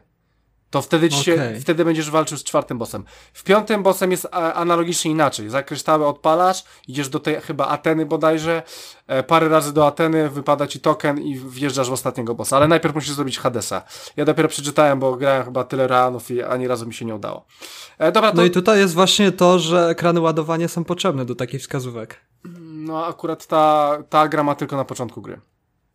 Ale, ale w roguelike'ach jest właśnie ten, coś takiego, że się odkrywa takie rzeczy samemu. Tak, e, ogólnie roguelike'i to jest taki gatunek gier, że każdy chyba roguelike ma swoją Wikipedię osobną i że po prostu jak chcesz się wyciągać naprawdę 100% z gry typu roguelike, nawet z The Binding of Isaac, gdzie o, tam są tam naprawdę jest, historie tam, tam odjebane z, no tam jest hardkorowo. Jeśli chcecie cały lore poznać i, i szatan i jeszcze, jeszcze jakiś wyższy boss i później, a jak zabijesz ich 10 razy, to jeszcze ci się odblokuje takie przejście, to musisz później przejść tam do nieba, ale to musisz mieć później, nie wiem, 15 kluczy, obrócić je 4 razy w kółko, to odblokujesz sobie innego bossa, więc bez, bez takich stron jak Wikipedia do każdej poszczególnej gry po prostu ciężko i mi się wydaje też, że Neon Abyss to ma ukrytą głębię tam, którą właśnie trzeba tą wiedzę poszerzać gdzieś tam czytając cały czas jakieś ciekawostki o tej grze, czy, czy jak rozwiązania różne. Więc, tak, więc tak. To... E, ja jeszcze dowiedziałem się o jednej rzeczy, ale już nie będę mówił. Słuchajcie, ch chciałem powiedzieć o dwóch grach jeszcze, ale powiem tylko jednej. E, grałeś, Michale, bo to do ciebie, grałeś w Rogue Company? Rogue Company. Yy, miałem problem z tą grą. Chyba o tej samej grze myślimy, bo na Epic Game Store jest ona za darmo i mam takie coś, że jak sobie ją dodałem do biblioteki, to jej w bibliotece nie ma. Przychodzę do Stora, pokazywane jest, jest w bibliotece gra, przejść do biblioteki, klikam, nie ma jej w bibliotece, więc nie ograłem. Okej, okay. E, czyli słuchajcie, no to, to ja wam powiem, bo grałem dosyć dużo. E, słuchajcie, rok, e, ograłem ją tylko i wyłącznie dlatego, bo Tomek mi powiedział, żebym ją ograł. No to tak sobie stwierdziłem, dobra, po, pogram. Słuchajcie, Rock Company to jest e, gra twórców Paladins, e, czyli takiego troszeczkę darmowego Overwatcha. E, no i Rock Company to jest właśnie ich twór. Oni jeszcze coś zrobili, już nie pamiętam co. E, faktem jest, że gra jest kompletnie za darmo, jest to free to playka. Gramy w zespołach 4 na 4 E, widok mamy z zapleców, więc tak trochę ala Gearsy nam się kłaniają, ala jakiś, nie wiem, Uncharted powiedzmy. E, I słuchajcie, no i trzeba wyeliminować przeciwników, ewentualnie podstawić ładunek, czekać i, i przeciwnicy albo rozładują, ro, muszą rozmontować już ten ładunek, ewentualnie nas zabić i rozładować ten e, ładunek. E, słuchajcie, więc mamy e, zespoły 4 na 4 gra jest bardzo szybka. Gra, e, jedna runda to jest minuta 30 i to jest maksymalny czas jednej rundy. Więc e, w minutę 30 o, o, mamy planszę, statki są po obu stronach, z, no i w pewnym momencie lecimy na te statki do planszy, na planszy i na planszy w środku spotykamy się przy tym, gdzie trzeba podłożyć bombę, ewentualnie co trzeba bronić. I, i na tym głównie polega gra. Ja gram tylko ten jeden tryb, tam są chyba jeszcze jakieś dwa tryby, ale, ale mnie one nie ruszają, rusza mnie ten tryb. E, słuchajcie, na początku tej gry mamy odblokowane sześć postaci. Tych postaci jest chyba dwa razy więcej 12, nie wiem czy już nie 14 bodajże, chyba 14 będzie. E, więc mamy 6 postaci odblokowanych. Mm, no i co? No i, no i zbieramy, wiadomo, wygraj mecze, do, do, wygraj 4 mecze, dostaniesz 300, a za 15 tysięcy kupisz sobie nową postać. Oczywiście możesz kupić za prawdziwe pieniądze i it's up to you. E, więc e, tak. Słuchajcie, gra, gra jest bardzo szybka, e, półtorej minuty. Tomek powiedział, że to jest połączenie Counter-Strike'a z Overwatchem. I chyba, chyba po troszku tak, bo, bo te celowanie... Czyli też jak Valorant mniej więcej. E, być może, ale ja nie grałem, to ty grałeś. Ja akurat e, w to nie grałem, więc nie mogę ci powiedzieć, ale, ale wydaje mi się, że może tak być. Gra, gra jest szybka, jest bardzo szybkie strzelanie, praktycznie 2-3 strzały typa nie ma. No, no, czasami jest to dłużej, ale, ale ogólnie bardzo szybko to jest. Zanim wyruszymy w dół w, na tą rundę, to mamy sklep, możemy sobie ulepszać broni, kupować broni, bo zaczynamy z pistoletem. Ewentualnie kupić sobie kamizelkę, kupić sobie jakieś dodatki, takie perki, stałe perki, ewentualnie jakieś granaty, w zależności od klasy. No bo klasy różnią się tym, że mają inne, e, inny staw, E, chodzi mi o inne, tak, in, inne, in, inne rzeczy mogą kupować w tym sklepie, plus mają jeden pasywny i jeden e, taki, taką aktywną zdolność, którą urucham, uruchamiają, mają ją raz w grze. I to na przykład jedna postać będzie miała leczenie na odległość, druga postać będzie miała jakiś tam strzał ala wyrzutnia, trzecia będzie sobie stawiała e, jakiś wielki mur, przez który może sobie strzelać, E, czy tam coś tam jeszcze jest, e, jedna coś będzie miała z radarem bodajże, coś będzie widziała przeciwników, tego typu rzeczy. E, no i oczywiście jakieś tam inne bronie, jeden bardziej na przykład jest na snajperki, drugi bardziej jest na shotgun, aczkolwiek wszyscy mają jakieś normalne machine guny. Są bardziej defensywne, ofensywne postacie. No i słuchajcie, no gra jest świetna, gra się w to fajnie, szybko, tak? Półtorej minuty nie ma, minuta nie ma. E, no czasami jest trochę lipa, bo przez to, że te rudy są długie, to jednak gra się do pięciu, więc trzeba grać, a bardzo często jest tak, że ktoś tam wyjdzie i się już gra 4 na 3 i jest już trochę gorzej. E, poza tym gra wygląda bardzo ładnie, całkiem nieźle wygląda, bardzo fajnie się w to gra dosyć szybko. E, coś chciałem jeszcze o niej powiedzieć, że strasznie dużo dzieciarni w to gra. O Boże, jak mnie to wkurwia. Ale to jest, to jest kwintesencja gier free to play, nie? E, bardzo często słyszę na słuchawce, jak jakieś dziecko drze pizdę, coś mówi, e, be, be, be, albo sobie słucha ktoś muzykę. E, wkurwiająca sprawa. E, to mnie w Valorancie taki typek. E, grałem sobie, dobrze wyszło w rundzie i a ile ty już grasz w to? Ja mówię, Jezu, człowieku, ta gra nie jest dla ciebie, to ale, jest przemoc. Ale ten, ale, ale wiedziałeś, że jesteś z Polski? Tak, tak, bo gdzieś tam, czy, czy nie, a z kumpelą grałem i z kumpelą normalnie sobie gadaliśmy na voice czacie, na, na czacie growym i gość, jakiś synek się tam dołączał. Mhm. I, I, słychać było, że, no tak, że tak. to był jeszcze okres wakacji i tak dalej, że dzieciak sobie siedzi w domu i sobie ciśnie w te gierki, no ale to młody, młody i w LoLu jest ten sam problem. Jest od groma dzieciaków, gdzie po prostu ta gra się robi strasznie toksyczna, jak niektóre dzieci mają mega odpały i tak dalej. Tak, tak, tak. No niestety, ale takie gry kupują season passy i inne tego typu rzeczy. E, słuchajcie, gra jest, gra jest stosunkowo nowa. Ja, ja dzisiaj chyba albo wczoraj miałem jakąś tam e, e aktualizację, do, dołożyli mapy, coś tam, coś tam. E, wiem, że jeszcze jakichś tam sezonów chyba w niej nie ma, ale coś tam chyba będzie planowane. E, jakieś opcje w menu mam zablokowane, jest napisane, że będą dostępne później. E, więc gra jest e, ogólnie stosunkowo nowa. Fajnie się w nią zapoznać. No mówię, jak lubicie szybko, słuchajcie, 10 minut e, rundka, nawet, nawet, no, no, pewnie liczycie koło 10, szybko, rachciach, ciach, to możecie sobie spróbować. Ja jak najbardziej polecam, szczególnie, że to jest free to playka. lubię te studio, mówię, na, w też długo, długo, długo grałem. E, więc jak najbardziej Wam polecam. Krzysztof Ibisz jest, jest tutaj ok. Dzięki Tomek za, za polecenie. Bo gdyby nie on, to bym to obstrał. W ogóle patrzę na tym Xboxie, jest tyle gier free to play. Po prostu, że, że jestem w szoku. E, no, jest co grać, no. Nie trzeba kupować gier w sumie, naprawdę jest co grać. E, I tyle. E, dobra, słuchajcie, zanim przejdę jeszcze do kontrola, miałem jeszcze o jednej grze powiedzieć, ale, ale już nie dzisiaj. Słuchajcie, zanim przejdę do kontrola, to chciałem wam powiedzieć o jedną, o, je, o jednej rzeczy. Pozdrawiamy Rafała. O Game Passie. E, słuchajcie, bo ostatnio, ostatnio e, chciałem wam powiedzieć, jak ludzie mogą teraz traktować Game Passa, jak to mniej więcej będzie wyglądało. I to bardzo z dużą niekorzyścią w sumie, znaczy przede wszystkim dla Sony. E, I powiem wam, jak ja będę tego Game Passa e, i co ja o nim myślę i czemu się tak dzieje i czemu się to będzie tak działo. Ale e, zanim zacznę, chcę tylko powiedzieć, że wyobraźcie sobie te, też taki troszeczkę do mojego Hyde Parku, wyobraźcie sobie, że ostatnio mój brat, młodszy, 11 lat młodszy, napisał do mnie, że chce wziąć sobie Xboxa. Ja mówię, wow. On zawsze miał tam e, playkę po pięciu latach, po sześciu latach, jakąś tam używaną, nie? A teraz do mnie napisał i mówi, że jest bardzo fajna ta opcja z tym e, system ratalny na, na dwa lata, coś tam, coś tam i powiedział, żeby uderzył w tą e, e, słabszą. I ja wiem, jak on gra, ja wiem na przykład, że on nie gra na telewizorze, ja wiem, że on ten sprzęt podłącza pod kompa, pod monitor, on ma dwa monitory.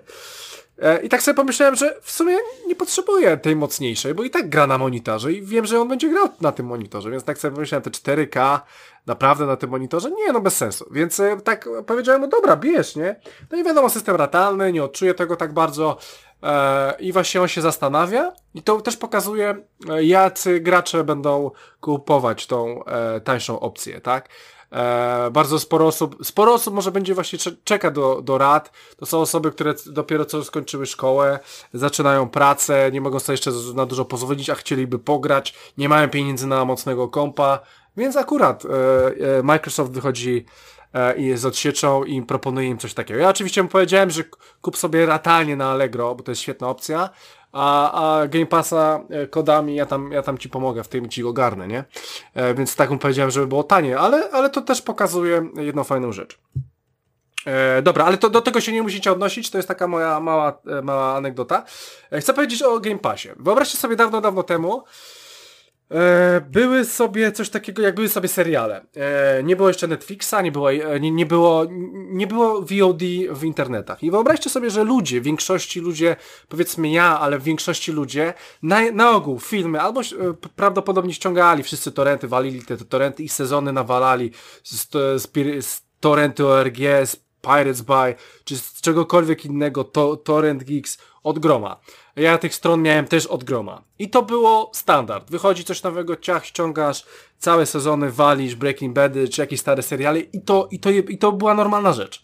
Później e, wyszedł sobie Netflix, e, i zanim ten Netflix nabrał takiego powera, dużego powera, jakim jest teraz, bo to jest, to jest, to jest usługa, która może być tylko i na resztę możecie mieć wyjebane, e, e, to, za, to zanim był ten Netflix, to już ludzie pomału przynajmniej ja już olewałem zaczynać nowe seriale gdzieś indziej, e, bo na przykład e, z tego co pamiętam to Walking Dead był gdzieś indziej, później był Fear of Walking Dead, już mi nie chciało się ściągać, miałem Netflixa i tak kończyłem pomału seriali, które miałem dookoła i skupiałem się na Netflixie, plus jeszcze dokupiłem sobie HBO, Rozwiązało mi to sprawę z serialami, na lata. I w tym momencie nie patrzyłem się już na, na, na przykład na no, zajebisty serial The Boys. Wiadomo, to jest dobry serial na Amazonie, ale nie mam jakoś ciśnienia. Ma, Manda, Mandalorian, Mandal, Mandalorian, tak? E, też już nie mam na to ciśnienia. Obejrzałem sobie te Star Warsy, może tak minimalnie bym sobie go obejrzał, ale nie, no kurczę, no mam na Netflixie tyle tych seriali. Na HBO są rewelacyjne seriale. Dla mnie HBO ma mało seriali, ale ma naprawdę dobre seriale. Więc e, tak, tak mi to po prostu dało do myślenia, że nie, nie potrzebuję już ściągać żadnych filmów. Mam jeszcze polską telewizję e, w Anglii, więc, e, więc w ogóle w dupie mam. W dupie mam e, na przykład Disneya, mam już w dupie, ole, olewam to Apple TV czy e, Amazon Prime. I dało mi to też do myślenia, bo mój znajomy mi ostatnio mówił, że, bo oglądaliśmy razem serial, on na przykład, nie wiem czy oglądaliście taki serial Billions, on jest na HBO, bardzo dobry serial, czy Suits, eee, nie, akurat Suits, ale nie, niech będzie to też przykład. Za, załóżmy, że tego na, e, na Netflixie nie będzie, ja go się pytam, e, ej, oglądasz to dalej? A on mówi, że no nie, no bo no bo ma ten Netflixa, on już wali te seriale, on ogląda sobie seriale na Netflixa, wiesz, mi ogląda dużo. On naprawdę ogląda dużo. Ale e, jemu to wystarczy. Od czasu do czasu sobie kupi Prima. E, I, I dało mi to też do myślenia, że Game Pass, usługa Game Pass stanie się niedługo czymś takim. Że ludzie nie będą patrzyli, że mm, na tej playce to są takie i takie, takie gry, bo już nie będą mieli czasu na to. Będą sobie ogrywali naprawdę bardzo dobre też tytuły na usłudze Microsoftu. I wierzcie mi, że to do tego doprowadzi, że e, na tym traci przede wszystkim Sony, bo ja już, ja, ja już plusa nie kupuję i już nie kupię nigdy prawdopodobnie. Biorę Golda plus usługę Game Passa. I zobaczycie to, że coraz więcej osób pójdzie w Xboxa i będzie miało wyjebane na Sony, E, może nie teraz jeszcze, bo to dopiero nadchodzi, ale już widzę, już widzę poznajomych, e, co biorą i w tym Game Passie będą siedzieć. I wierzcie mi, że to, to są, to są e, setki, setki godzin w gry, więc do, do tego to dojdzie, do tego to dojdzie. Ja już, ja już nie patrzę, że na Disneyu jest jakiś nowy serial, czy na Prime jest nowy serial. W dupie to mam. Czy w ogóle jest jakiś nowy serial poza HBO i, i Netflixem. I z grami będzie podobnie. Rafale, chciałbyś coś do tego dodać? Nie, myślę, że tak będzie, że Game Pass będzie cały czas jakby się rozwijał, zapewniając dostęp do no, zwyczajnie jakichś tam gier średniego poziomu, czasem przetartych jakimiś hiciorami. No jakby spoko, no. Nie, no w porządku, tak, no, przetartych. Ale coś, coś tym jest, coś tym jest, bo jednak to jest ten czas, branie czasu po prostu. Game Pass e, dużo czasu bierze i po prostu ludzie nawet nie będą patrzeć, o tam jest God of War i tak dalej. Okej, okay, ale ja już tu mam taką kubkę wstydu, zakolejkowany jest kolejne 15 gier, zanim ja to ogram, to jeszcze gdzie pomiędzy God of War'a wrzucić, a jeszcze to trzeba, nie wiem, e, sezon pasa w Apexie wbijać, więc gdzieś ten Game Pass i tak dalej skradnie właśnie serca graczy. Sony musi jedynie wymyślić jakąś alternatywę, chociaż nie wiem, czy oni może coś tam mają, może jeszcze nie jest za późno, ale będzie im ciężko zacząć. Chociaż dalej, jak pytam po znajomych, którzy gdzieś tam niby siedzą w grach, niedzielni gracze, o, pytam niedzielnych graczy o nową generację, dzieci grają od, od znajomych i tak dalej, to wszyscy cały czas są PlayStation 5, bo oni nie znają po prostu produktu, jakim jest Xbox, więc tym będzie się Sony ratowało cały czas. Mhm. Tak, e, tak. E, słuchajcie, no chciałem taką wrzucić e, anegdotkę właśnie, jeżeli chodzi o tego Game Passa. E, że, że ja to tak widzę po prostu. Widzę, widzę poznajomych, jak, e, jak wzięli Netflixa i już nie, nie, nie oglądają, nie ściągają, nawet nie ściągają już filmów, nie chce im się po prostu. Ma, mają na Netflixie wszystko i naprawdę, no jak chcemy obejrzeć dobre seriale na Netflixie, to nie ma czasu na to. House of Cards to będzie rewelacyjny serial. Ja tego nawet nie zacząłem, a to ma 5-6 sezonów. To po co ja mam teraz e, e, oglądać The Boysów? Te, też dobry serial, oczywiście, że tak, ale nie, nie, nie. To, to będzie tak wyglądało, tak? A powiedz mi, bo Dexter, mówię, że to jest twój ulubiony serial, no. ale Dexter nie ma powiązania z Netflixem. Chyba był kiedyś, ale jest prawa na, Netflix na, utracił. Był na HBO, chyba już nawet nie ma na HBO, ale był kiedyś na HBO. I Go. jeśli na przykład by Dexter wyszedł na jakąś osobną platformę, powiedzmy Dexter wychodzi na Disney+, czy kupujesz w takim razie Disney Plusa, żeby Dextera obejrzeć? Znaczy powiem ci, że Dexter wychodzi na Showmaxie, a HBO e, jest Showmaxem. No ale wiesz, przykład, że nie masz, że nie masz jakiejś platformy, na której wychodzi teraz Dexter. Nie wiem, je, jeżeli, jeżeli miałbym takie ciśnienie, to kupiłbym sobie na miesiąc. Jeżeli miałbym takie grube ciśnienie, e, to kupiłbym sobie na miesiąc i po miesiącu out. Ewentualnie. Ta, ta... Widzisz, to może coś by w tym PlayStation, że jest ciśnienie na Exa, kupuje się PlayStation i odpala się No tak, tylko, że, święta. tylko że to jest po pierwsze e, e, coś takiego, co się nazywa a, Boże, Boże, Boże, Boże, nostalgia, tak? Bo to jest jednak serial 8 lat, ja go oglądałem przez 8 lat. Był rewelacyjny. E, i, I on po prostu wraca po wielu, wielu latach i na przykład ten abonament będzie mi kosztował, nie wiem, 8 funtów, tak? Za miesiąc a nie cena konsoli plus cena gry, więc e, to, to, to też jest troszeczkę co innego, więc e, e, tak, ale, ale tylko, tylko po prostu mówię, że to, że to były pa parę takich seriali i tyle. E, tutaj, tutaj nie wiem, ale to też, to, to nawet nie, nie chodzi o tą, e, o tą generację nas, na przykład, nie? Tam 25, 30, 35 lat, tylko, tylko bardziej chodzi o też e, takich takie osoby jak mój brat, nie? Mój brat lubi gadowora, lubi te gry, ale on nawet, on nawet już tam nie patrzy na, na tą playkę, bo jest droższa, bo coś tam, bo tu oferują mu tańszą konsolę, ma wszystko, Game Pass, dziękuję. I, i, e, I ci gracze nauczą się Halo, zobaczą co to jest Halo, zobaczą co to są Gearsy, zobaczą co to jest Forza. E, no i, i te ekskluzywy mogą mieć później ciężej e, do siebie, do przekonania nowych graczy, tych po Fortnite'ach, po Battle Royalach, e, żeby wejść w takiego gadowora, niż, niż po prostu w Halo, nie? Który w sumie multi będzie miał za darmo. E, zobaczymy. Tym to, bardziej w no, Polsce sytuacja to... jaka jest... No dobra, Michał. Nie, w Polsce jest sytuacja jaka jest. Ja byłem kiedyś graczem w wieku szkolnym i też prosiłem e, rodziców, żeby mi dali tam na grę, czy gdzieś sobie tam uciłałem trochę hajsu, żeby sobie grę kupić.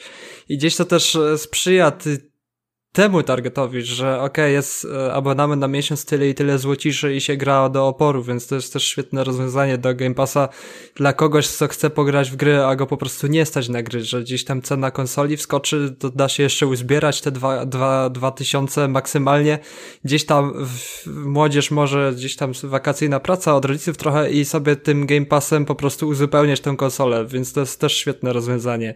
A jak tutaj wychodzą, że ponad 300 zł za, za Demon Soul Soulsy, więc to już jest może też zaporowo, jeśli chodzi o taki target, który nie drukuje pieniędzy na co dzień, więc mhm. znaczy, słuchajcie, nie ma, nie, ma, nie ma w tym zakresie y, idealnego rozwiązania, tak? Bo z jednej strony mamy, wiesz, pececiarzy, którzy yy, mają przede wszystkim w miarę wysoki próg wejścia, bo, bo, bo trzeba tam te yy, 5-6 tysięcy za jakąś sensowną maszynkę do grania wyciłać.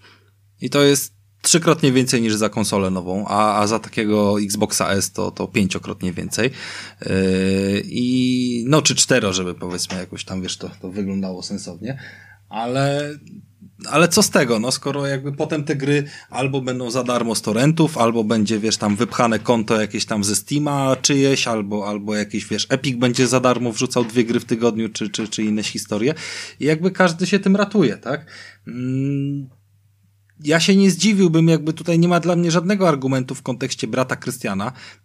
No ja mam takiego samego kumpla i tak samo mogę podać, wiesz, przykład, któryś mnie zapytał, ty, nowe konsole wychodzą, słuchaj, yy, może ten. Ja poleciłem już Xboxa kilku osobom, pomimo, że jakby sam preferuję playkę.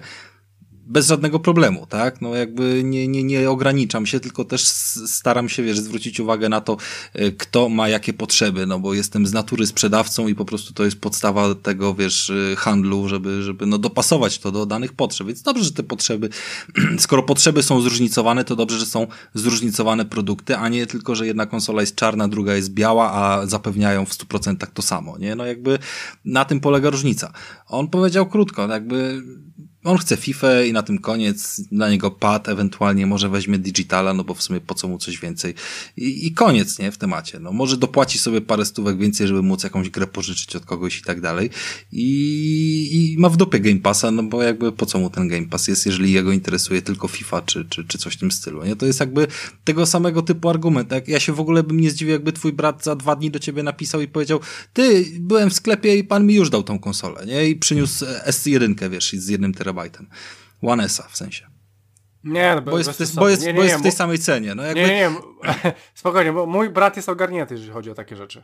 Znaczy, ja, nie mówię, ja nie mówię o wycieczki osobiste, ja mówię jakby wiesz, o, o zorientowanie się casualowego gracza. No, przecież te wszystkie, mm, wiesz, historie i trendy, które się dzieją, ustawianie ceny starej konsoli, wiesz, podwyższanie jej do, do, do poziomu y, tej, która za chwilę ma premierę, no jakby wszystkie branże nas w ten sposób y, starają się, wiesz, w jakiś tam obrypać, nie? Czy mówimy o iPhone'ach, czy jakiś tam szeregu innych. Każdy jakiś tam swój pomysł y, referuje i, i, będzie go za chwilę ściągał. I jestem przekonany, że y, każda z nich będzie przede wszystkim starała się uzależnić graczy od y, swoich usług. W tym momencie mamy Xboxa, który jest y, w sumie czterokrotnie tylko szybszy od y, poprzednika. Nie mamy żadnej, ewolu- żadnej rewolucji, tylko ewolucję. Nie mamy żadnych nowych funkcji poza tym, że ray tracing jest w obsłudze i szybszy dysk, ale wciąż okay, nie Rafa, bo to już rewolucji. Jest to już nie, nie Więc jakby to wszystko się będzie wiązało do tego, żeby był abonament i wymiana sprzętu, nie? Abonament będzie za dwa lata, za dwa lata będzie zapowiedziana nowa konsola i weź kolejny abonament, jakby znowu na dwa lata w Game Passa się zobowiąż i wymień swojego SK albo Xa na kolejną wersję. Nie, tu, nie? Tu, tu, już, tu już nie trzeba, Rafale. Eee, tak, tylko że wiesz, jeszcze bierz, bierzmy pod uwagę, co w tym abonamencie jest, a ten abonament jest naprawdę gruby. Eee, dobra, słuchajcie. Jest e? duży. Jest duży, pamiętajmy. Jest to gruby. znaczy. Jest, no gruby. Jest, jest gruby, zawiera dużo gier, ale to wciąż nie jest po jakby przejściu przez pewną aurę gier. Yy, no wciąż, ty nie masz tego Game Passa tak długo jak ja. I, i to wcale nie znaczy, Rafał, że, że będę go miał chcesz... jeszcze rok. A, a, a, powiem ci śmiesznie, w ogóle e, przyszły odcinek chcę zrobić o tym, jakie gry powinniśmy brać na premiery konsol. Na premierę nowego Xboxa i na, na premierę nowego, nowe PlayStation. Co byśmy polecieli i powiem wam, że chcę zrobić to za dwa tygodnie z wami i powiem wam, że w większości ja będę grał w stare gry. Bo ja chcę zobaczyć po siedmiu latach, na, y, jak jaka jest różnica y, na siedmioletniej konsoli, a na tej nowej konsoli, jak wygląda gra w 4K, jak wygląda gra w 60 klatkach, z HDR-em, z ray tracingiem, w Gearsach, w Forzie. Ja będę w to grał, Rafale, więc ja będę grał dalej w, w stare gry. Ja się nie mogę doczekać tego w ogóle. No nie będziesz grał dalej, dalej w stare gry, bo ty masz raptem pół roku tego Xboxa, więc jeszcze w nic nie pograłeś tak naprawdę. No być może, być może tak, być może tak. No ale wiesz, no, Forza starczy na 100 godzin? Spokojnie. Więc 100 e, Jak godzin ktoś to lubi ścigałki, to starczy, oczywiście. Jak ktoś no. lubi strzelanki, to Doom starczy na 100 godzin. No, no dokładnie. To, o, wiesz, Duma i... będę, ja sobie Duma zostawiłem na nową generację, no. E, no, z Forza ściągnąłeś w końcu? Nie, nie, nie ściągnąłem, ale usunąłem. Pograłem chwilę, usunąłem. Dlaczego? Bo czeka na nową konsolę, wiesz, 4K, te sprawy, wiesz. E, e, A no tak, ty masz tego kloca, kloca starego. No, starego kloca mam. E, no, ja nawet y, nie mam A jaki, jeszcze a propos, jaki brat ma monitor? Wiesz co, on ma dwa, nie wiem, musiałbym ci powiedzieć, ma jakieś tam dwa monitory, e, nawet nie wiem, ale one nie są jakieś zbytnio duże. Myślisz, że 900p uciągnie w Dircie 5, jak będzie chciał w 60 klatkach pograć? Skoro jest PC-owym ja, graczem? Ja, ja myślę, że tak. No to właśnie wiesz, to, to mamy, sięgnie po nową konsolę nowej generacji i będzie miał 900p, nie? To tyle tego, wiesz, postępu. E, no tak, ale dla niego, dla niego, jako gracza, to będzie już ogromny postęp. Wierz mi. Mm. A, no dobra, no. no. E, e, dobra, słuchajcie, jeszcze, jeszcze powiem wam o jednej ciekawostce, zanim zacznę o kontrolu, że e, no, dostałem maila z PC Carys e, kary z PC World w sumie, e, że muszę już do końca tej niedzieli e, zapłacić 100% za swoją konsolę, więc e, ja dałem za nią e, 5 funtów. E, zrobiłem takiego jakby preordera, więc e, muszę, muszę do tego dopłacić e, 445 funtów, tak? 450, żeby było. No i, no i właśnie to, to był ten mindfuck, nie wiem czy widzieliście, na przykład brytyjski sklep podnosi cenę o 10 tysięcy złotych, tak? E, więc tak, no te konsole kosztowały faktycznie e, prawie 2,5 tysiąca. Ja dostałem e, specjalny kod na tego preordera, wpisałem ten kod, wszedłem na stronę, wpisałem ten kod, dostałem e, rabat na, na ponad 2000 funtów, no i wtedy sobie po prostu kupiłem za normalną cenę swoją, wcześniej za preorderowaną konsolę. Wytłumacz po co to było. Żeby ruch botów ograniczyć, bo jednak trzeba mieć trochę zdolności manualnych, żeby po prostu wklepywać te kody zniczkowe i z botami już by to było za dużo. Ale co, co robiły boty w tym momencie? No właśnie, E, boty wykupywały cały zasób, który miał sklep. E, to się też odbywa tak samo z biletami na koncerty, że koniki wykupują. I po prostu tych kons te konsole były wyprzedane od razu, bo boty wykupiły cały nakład. No i wtedy e, rozpoczyna się akcja rynek wtórny eBay za podbitą cenę od użytkownika, który te boty tak ustawi, że kupują po prostu cały nakład, więc e, zrobił się problem taki, że normalny użytkownik nie mógł sobie kupić konsoli, bo boty wykupiły wszystko. Dobra, czyli mam rozumieć, że mechanizm jest taki, jeżeli tak to sobie układam w głowie, bo nie, nie z tego artykułu, co, co przeczytałem, to jakoś nie, nie zrozumiałem całego mechanizmu, że wyprzedali załóżmy ileś tam konsol, co mieli, nie? 100 tysięcy. Poszły sobie te y, preordery i oni wiedzą, że z tych 100 tysięcy załóżmy jedną trzecią kupiły boty. Więc teraz wszystkim, którzy wpłacili te 5 euro, będą wysyłali kody, żeby dopłacili resztę i dopiero wtedy będą w stanie dopłacić tą resztę, jeżeli ktoś to zrobi własnymi rękami i liczą, że może im w ten sposób te 30 tysięcy konsol wróci, bo preordery nie zostaną sfinalizowane, tak? To jest dobra strategia? tak, no, Tak, i wtedy jest szansa dla kie- takiego użytkownika jak ja, który naprawdę chce złożyć preordera, że po prostu tego preordera sobie dostanę, bo się gdzieś tam jakaś pula może zwolnić. e, powiem A wam, na- poczekaj, a do, poczekaj. kiedy, do kiedy jest? Czyli Krystian jak dostał czas Do do, niedzieli. niedzieli, Do niedzieli. Tak? Wszyscy dostali czas do niedzieli w tym sklepie. A powiem ci, że ja w kolejce miałem 800, 8500 na miejsce i mm, chyba był limit je- jedna osoba na jedną konsolę, ale nie jestem pewny. Więc można powiedzieć, że sklep mógł mieć około 10 tysięcy tych konsol, albo lepiej.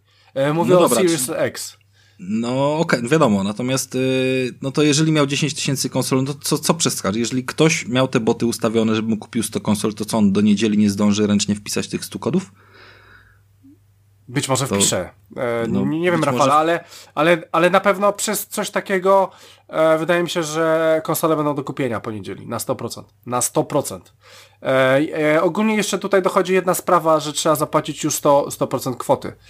E, więc to też jest, jest e, kolejna rzecz, bo to już e, nie jest, że zbierzesz sobie dalej i czekasz dalej, tylko my już musimy płacić 100%. No okej, no. E, jakby- tak, je- jeżeli o to chodzi, to też tego do końca nie rozumiem, Rafale. Nie mam pojęcia, o co im chodzi. Coś tam sobie wymyślili. No spoko, no u mnie też są jakieś tam przygody, ale to już, już mniejsza o to. No. E, więc tak, ja już zapłaciłem za konsolę, pełną kwotę czekam. E, w dniu premiery wjeżdża. E, dobra, słuchajcie, i to będzie tyle i wjeżdżamy w końcu Remedy. Remedy zrobiło coś takiego, co się nazywa Quantum Break. Rafał, grałeś chyba w to, prawda? Oczywiście, bardzo sobie chwalę. E, I tam też była ta telekineza, że coś tam rzucałeś przedmioty, były takie rzeczy, czy nie? Było spowalnianie czasu. Tam była A, mechanika spowalnianie spowalniania czasu. czasu. i różnych e, inspirowanych tym spowalnianiem czasu e, rzeczy, że, że jakieś tam robisz, wiesz, tarcze, jakieś, jakieś tam Tak, tak, o, to- poszczególne jednostki, że zamrażasz przeciwników w czasie albo siebie, wiesz, możesz szybciej biegać, takie tam różne triki, nie? No to więc to, to, to Mhm. E, więc słuchajcie, no Remedy e, zrobiło nam grę. Gra nazywa się Control. E, słuchajcie, gra jest. Grę testowałem na PS4, PlayStation 4. To jest bardzo ważne, o czym teraz powiem. E, że ona jest na tej konsoli. E, o czym powiem, znaczy powiem, ale powiem, po, powiem troszeczkę później. Więc grałem sobie na PlayStation 4, zrobiłem sobie w ogóle calaka w tej grze. E, platynka wpadła i powiem wam, że gra jest świetna, naprawdę, gra, gra, ja, ja w ogóle byłem w szoku, że ta gra jest taka dobra.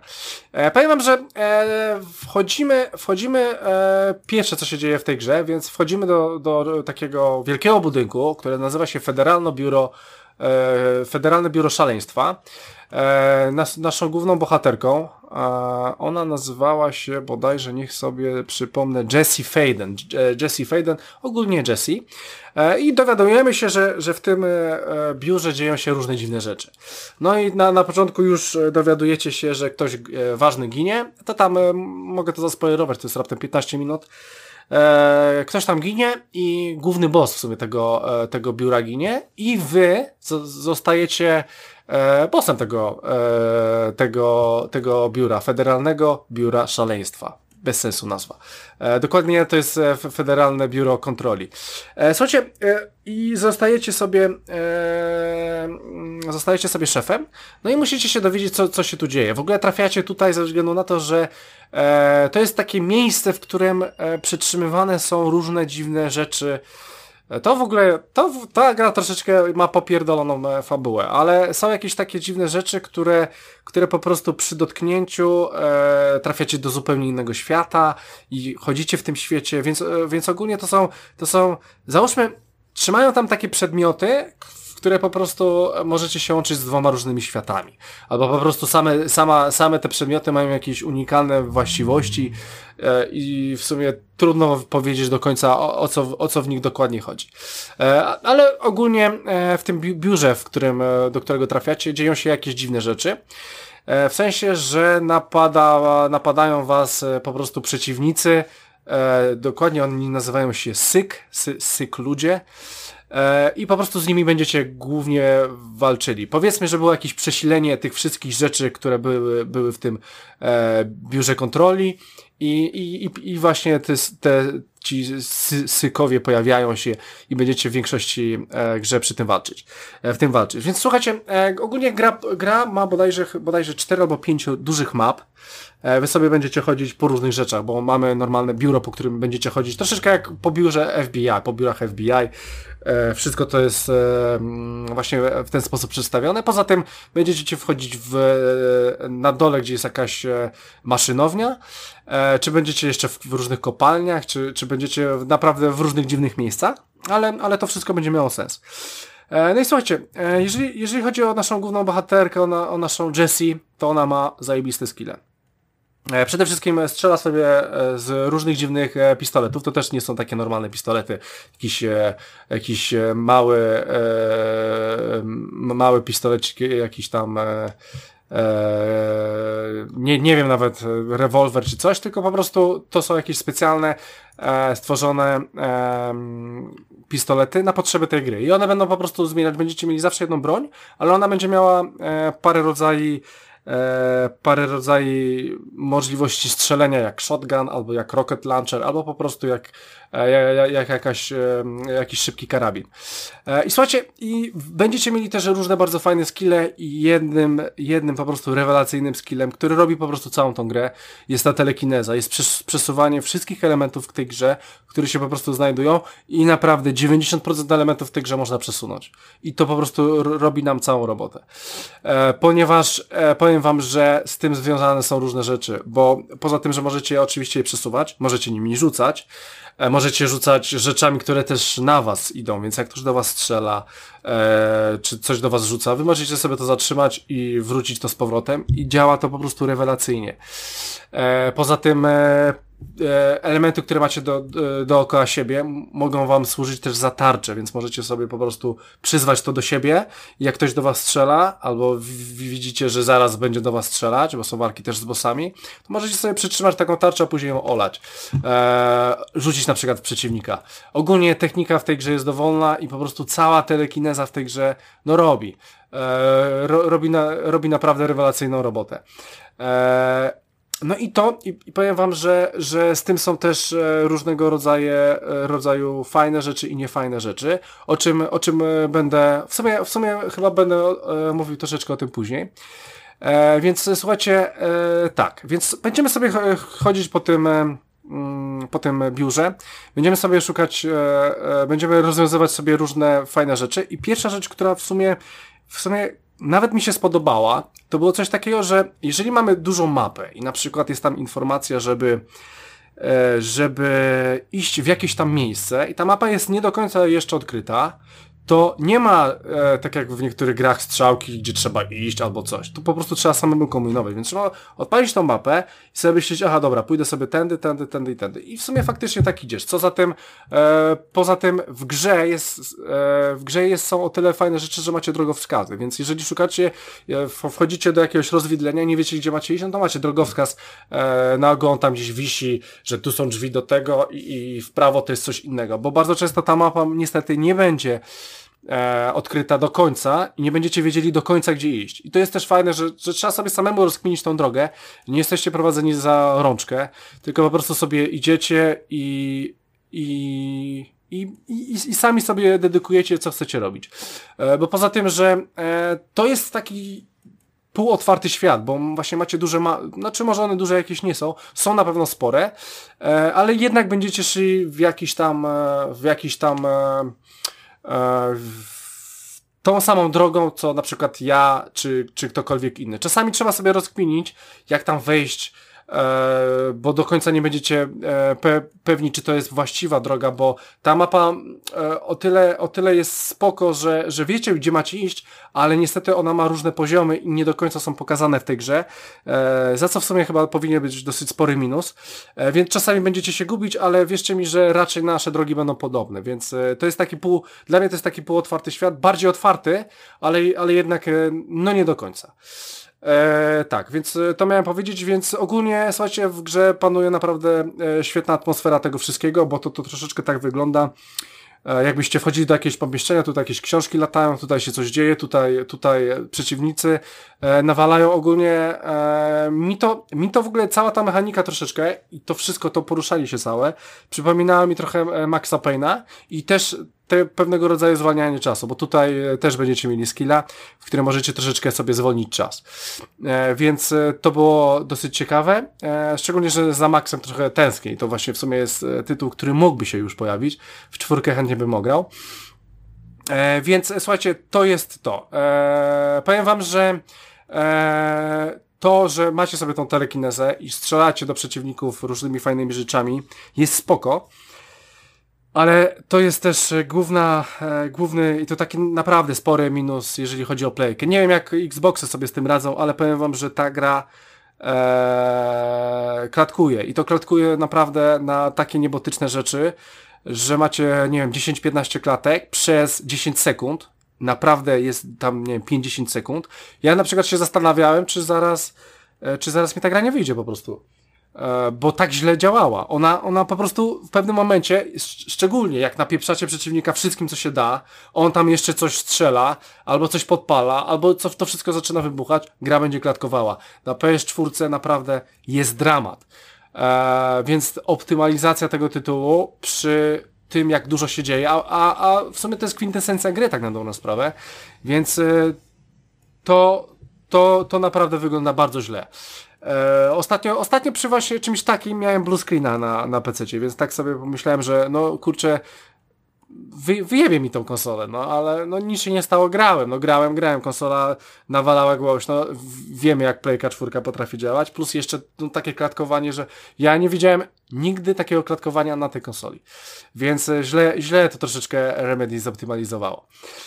E, słuchajcie, mm, jeżeli chodzi o jakieś e, tutaj dialogi e, i animacje z różnymi NPC-ami, no to tych NPC-ów jest dosyć mało. Są bardzo creepy postacie, w ogóle ten, ten, ten świat jest taki troszeczkę, jeszcze pod te postacie falloutowe mi się troszeczkę tak teraz w sumie przypomniało. Jest ogólnie trochę creepy, są te postaci, my staramy się im pomóc na każdym różnych piętrach, chodzimy po tej mapie i rozwiązujemy te rzeczy. Więc powiem wam, że, że no te, te dialogi to wszystko było troszeczkę raczej takie miałkie. E, no widać, że to, że to troszeczkę mieli wywalone na tym. Nie wiem jak na przykład w Quantum Break, czy tam, czy tam e, miałeś Rafale tam jakieś dialogi, tam e, gadało się z ludźmi, podchodziło się do no, kogoś? Słuchaj, w Quantum Breaku miałeś przede wszystkim bardzo dobrze rozpisaną historię z e, filmikami przerywnikowymi i dodatkowymi e, nagraniami, nie tylko mm, na, na etapie jakby, wiesz... Aha, bo tam ta fabuła e, Grafiki z gry, tylko ta cała fabuła była z wykorzystaniem też aktorów i jakby, wiesz... E, no tak, tak, wrzuconych tak. filmików dodatkowych, tak? Z pomiędzy, z pomiędzy poszczególnych tam etapów, więc no to, to jest zupełnie inny klimat pod tym kątem, mi się wydaje. No tak, tak. E, więc słuchajcie, no, no tutaj tak tego nie ma, aczkolwiek ta fabuła nie jest wcale taka zła. Mamy tutaj, e, mamy tutaj bardzo fajne misje, jeżeli chodzi o zagadki, bo w, pe w pewnym momencie trzeba będzie zamykać pewne miejsca, e, po prostu za załóżmy takie gniazda tego wszystkiego i będziemy wchodzić do zupełnie innych światów, w których trzeba będzie po prostu sobie trochę porozkminiać. One będą zu zupełnie inne. Nie będzie tam żadnych przeciwników, tylko trzeba będzie rozkminić, o co tutaj chodzi. I będziecie, będziecie przestawiać różne elementy w tej grze.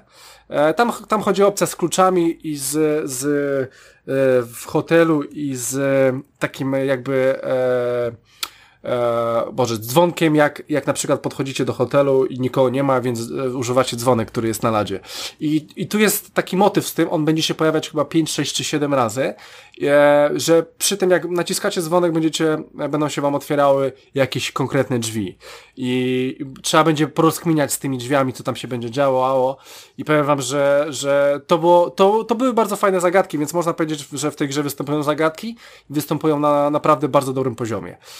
Więc e, to jest e, bardzo fajne. Słuchajcie, poza tym, że będziecie mieli tą telekinezę i te różne rodzaje broni, one, one są też dosyć dosyć fajne, no to wiecie no to te, telekineza będzie robiła najwięcej, ale będziecie mieli też e, pewne e, drzewko umiejętności. Będziecie sobie oczywiście mogli ulepszyć życie, e, tej moc telekinezy, e, czy na przykład będziecie mogli przejąć jakiegoś przeciwnika, tam posyłacie na, na, niego swoją rękę, e, potrzebujecie parę sekund i go przejmujecie, on walczy z wami, więc to też jest dosyć fajne.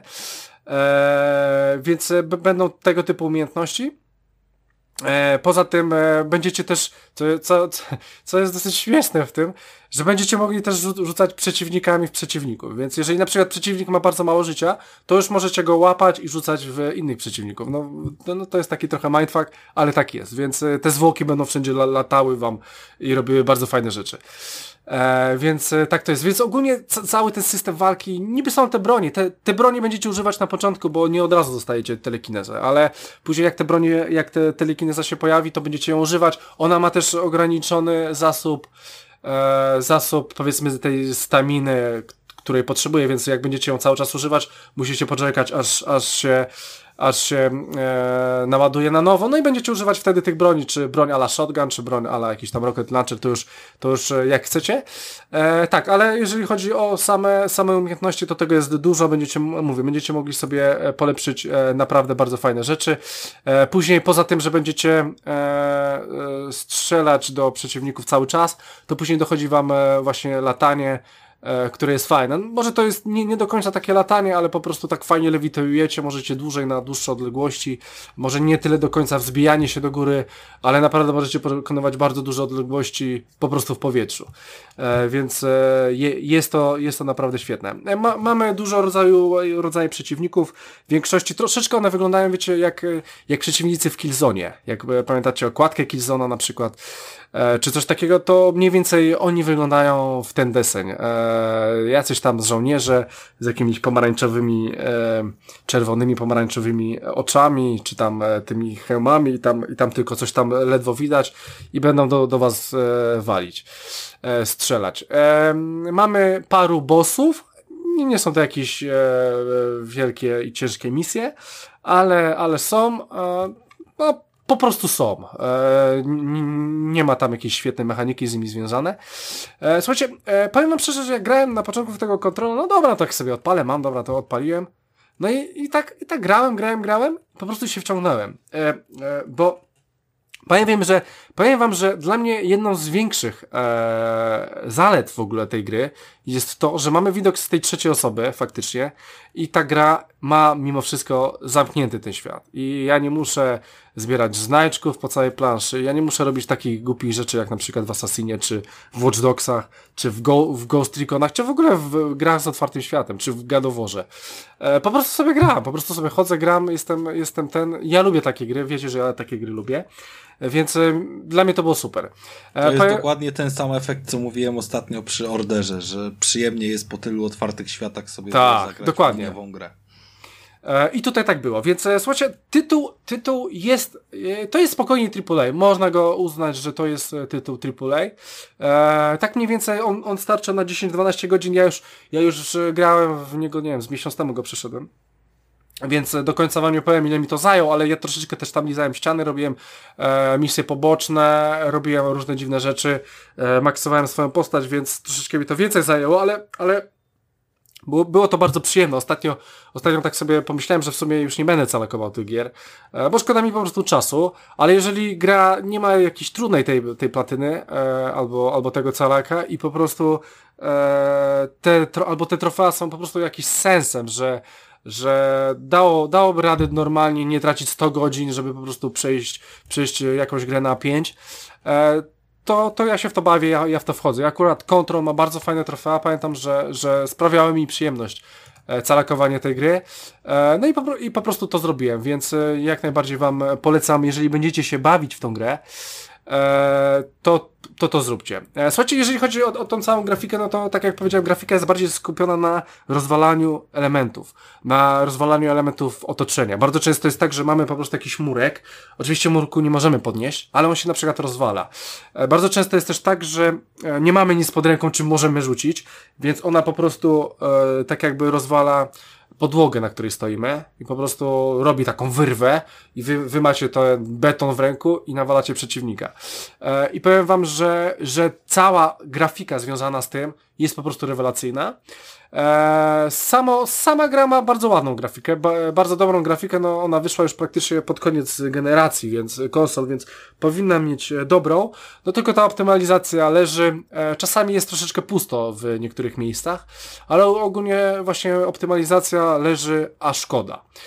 E, słuchajcie, gra jest nastawiona też na sporo cutscenek e, i takich przerwników filmowych, bo dowiadujemy się o różnych rzeczach.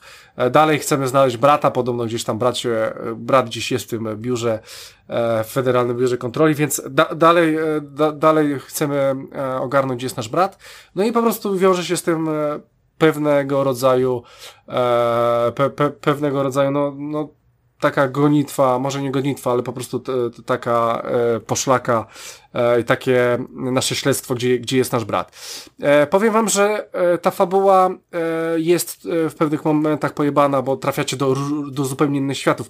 Nie wiem, czy graliście w Obserwera, mi, mi to najbardziej do Obserwera podchodzi, że po prostu graliście i w pewnym momencie wszczepialiście się w jakiegoś typa i byliście w zupełnie innym świecie i coś robiliście. I tu jest mniej więcej coś takiego, że bardzo często będziecie grali gdzieś w zupełnie innych światach, w, strasznie pojebanych, ale bardzo fajnych. E, tak, e, więc słuchajcie, jeżeli, jeżeli chodzi o jeszcze na przykład, jak tak sobie myślę, może jakieś minusy e, poza tą grafiką, no to chyba przede wszystkim to, że są długie, długie e, ekrany wczytywania. E, nowa generacja ma tam nam to rozwiązać. Bardzo źle jest to, że, że nie wiem czy słyszeliście, ale Control dostanie up, update do nowych konsol, ale niestety płatny. Więc e, chyba, że kupiliście jakąś tam tą najdroższą edycję, ale no niestety będzie to płatna szkoda, e, bo na pewno e, sporo, sporo rzeczy rozwiążą nowe konsole, na 100%. Długie, jest, jestem ciekaw w ogóle, czy te loading, loadingi będą, te ekrany wczytywania. No, wydaje mi się, że chyba jednak będą, ale, ale no nie wiem, bo gra jest, no to, to, będzie, to będzie na pewno cieka, ciekawa, ciekawa sprawa. I słuchajcie, gra jest, gra jest, nie wiem, to może dla kogoś być minusem też, że gra w wielu, w wielu, w wielu momentach jest ciemna, a nie ma żadnej latarki i czasami naprawdę jest ciemno w tej grze. E, no i trzeba sobie po prostu tam jakoś poradzić, jakoś sobie to wszystko porozkminiać. No, dla, dla mnie mi to bardzo nie przeszkadzało, a czytałem o takich minusach, że, że wiele osób stwierdziło, że gra jest ciemna. No, no ma, ma niestety taki klimat i nic na to e, nie poradzimy. E, no, powiem wam, że w pewnym momencie pod koniec gry gra robi się niestety łatwa. Jesteście dokoksowani i robi się łatwa. Powiem wam, że ja pod koniec gry bardziej miałem problem, żeby z, gdzieś tam doskoczyć, niż ewentualnie e, niż po prostu samą grą, niż, niż e, czegoś nie przejść albo e, ktoś mnie zabijał albo coś takiego. Chyba miałem, pod koniec gry może miałem jeden albo dwa takie elementy, ale, ale normalnie wszystko szło jak, jak, po, no, jak pojebany. No po prostu niszczyłem wszystko jak e, jak się po prostu dawało i, i, i było to dosyć e, proste, ze względu też na to, że robiłem misje poboczne i trochę się na, napakowałem pod koniec. E, że po prostu czekałem, aż mi się to wszystko skończy. Pamiętam, że do gry wyszły dodatki, bodajże dwa dodatki.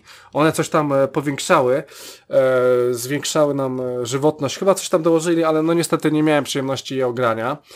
Wiem, że jeszcze jest coś takiego, to jest, to jest bardzo, bardzo pojebany taki troszeczkę etap. Słuchajcie, macie chyba 25 minut, musicie wejść w cztery miejsca, coś tam porobić w tych czterech miejscach i wrócić. I wiem, że tego akurat nie, nie próbowałem. To jest jakiś taki nowy element e, gry, w ogóle nigdy nie widziałem takiego elementu, że musicie w 25 minut zrobić cztery takie małe misje. E, to też pewnie do przedłużania gry, ale ogólnie tego nie trzeba robić, ja tego nie robiłem, bo naprawdę to, to akurat było ciężkie. Ale to mówię, to bardziej miałem problem, że gdzieś tam z doskoczeniem niż, niż ze zrobieniem czegoś. E, no, więc e, słuchajcie, no chyba będę pomału kończył tą małą e, recenzję. Ja powiem wam, że się grubo po prostu wciągnąłem w ten tytuł.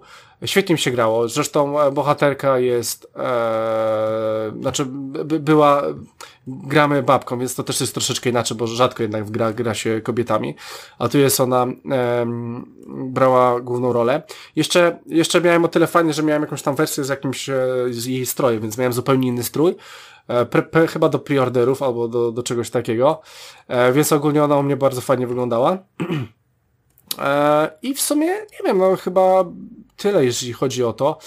To jest świetny, świetny, świetny naprawdę tytuł. Wydaje się, że jak Remedy, no to wiadomo, że to może wpadnie wcześniej czy później do Game Passa, być może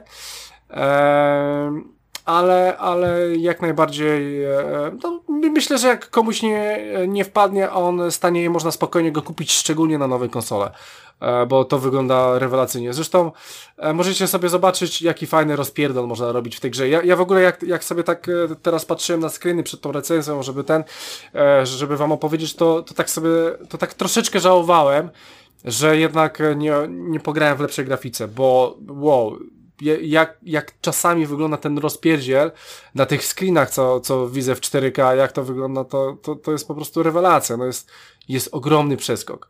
E, więc po prostu nigdy nie bawiłem się tak dobrze w grze, niszcząc te, te otoczenie. Jeszcze, jeszcze, jeszcze, jeszcze jestem ciekaw tylko e, tych Star Warsów, jak tam to wygląda, ale chyba nie robi tak dużego e, wrażenia, e, jakie zrobił Control na mnie. E, chłopaki, jakieś, jakieś pytania do mnie macie? W tym temacie? Jak opowiadałeś o tym, że można wszystkie rzeczy podnosić i tak dalej, to miałem w głowie ten, te pierwsze wejście do Half-Life'a dwójki, gdzie dali Gravity Guna i też szło się bawić wszystkimi przedmiotami. I to mnie tak zawsze tak. jarało, że mogę po prostu się tą fizyką grze pobawić, czy jakąś e, tam się zatyczki robiło, czy się blachy dźwigało. Kurde, e, przekonałeś mnie i myślę, że to chyba będzie fajny tytuł, żeby po prostu sobie tą odświeżoną wersję, którą gdzieś tam zupgrade'owali teraz i ma być na dniach premiera, że po prostu będzie to naprawdę fajny tytuł dla mnie, jeśli chodzi o tytuł startowy na Xbox One, na Xbox Series X, że, że chyba będzie fajnie tym zacząć generację, bo słyszałem też dużo narzekań właśnie, że gra cierpi, jeśli o optymalizację chodzi i na PC-tach po prostu y, po, podobno już jest y, fajnie i jestem, jestem ciekaw o, o granie tego. Namówiłeś mnie. Mhm. E, tak, e, powiem Ci Michale, że po prostu nowe generacje, tylko myślę, że tylko i wyłącznie nowa generacja może uratować tą grę, no bo szkoda tej gry u mnie. E, powiem Ci, że nawet, nawet nie jest gorsze, że to się trafiało, ale, ale to naprawdę są spore spadki. Ja nie widziałem takich spadków. To są takie spadki, które, które no nie wiesz co masz robić, bo równie dobrze w teorii jak masz takie spadki, to tak No nie, no to już nie będę nic rzucał, to poczekam aż to się uspokoi. To się uspokaja, ale to... O, to już jest e, hardcore. Tak, nie, nie, jest. to, to, jest, to jest już hardcore, tak. I to nie wraca tak do końca do 30 klatek, tylko czujesz, że to kurwa, no, no nie ma tutaj tej super, tej 30-klatkowej płynności.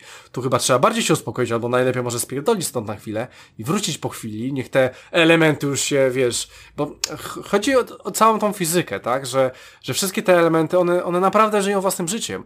Jeżeli, e, ja, ja wam później wyślę e, po odcinku, albo, albo mo- może nawet e, w trakcie nagrania wam wyślę, e, macie pewnego rodzaju screen, w której macie po prostu stołówkę, w której jest bardzo, bardzo dużo elementów e, krzeseł przede wszystkim i, i to są e, poszczególne elementy, to, to zrobienie czegoś takiego, żeby to działało na naszej siedmioletniej konsoli, no to, no to, no kurczę, no jest to trudne, no nie? Mm, Ja, wydaje mi się, że Remedy wiedziało o co chodzi, wiedziało, że, że to będzie wyglądało tak, jak będzie wyglądało e, i będą te spadki, no ale grę jednak wypuścili, tak? E, ja, ja w ogóle chyba e, też cieszę się z tego, że jednak, dobrze, że to miałem na, na, na mm, PlayStation, bo może jak nawet na tym Xboxie wyglądałoby to lepiej, e, mogłoby to troszeczkę lepiej chodzić, to na pewno byłoby 900p. Na 100% tam jest 900p w tej grze.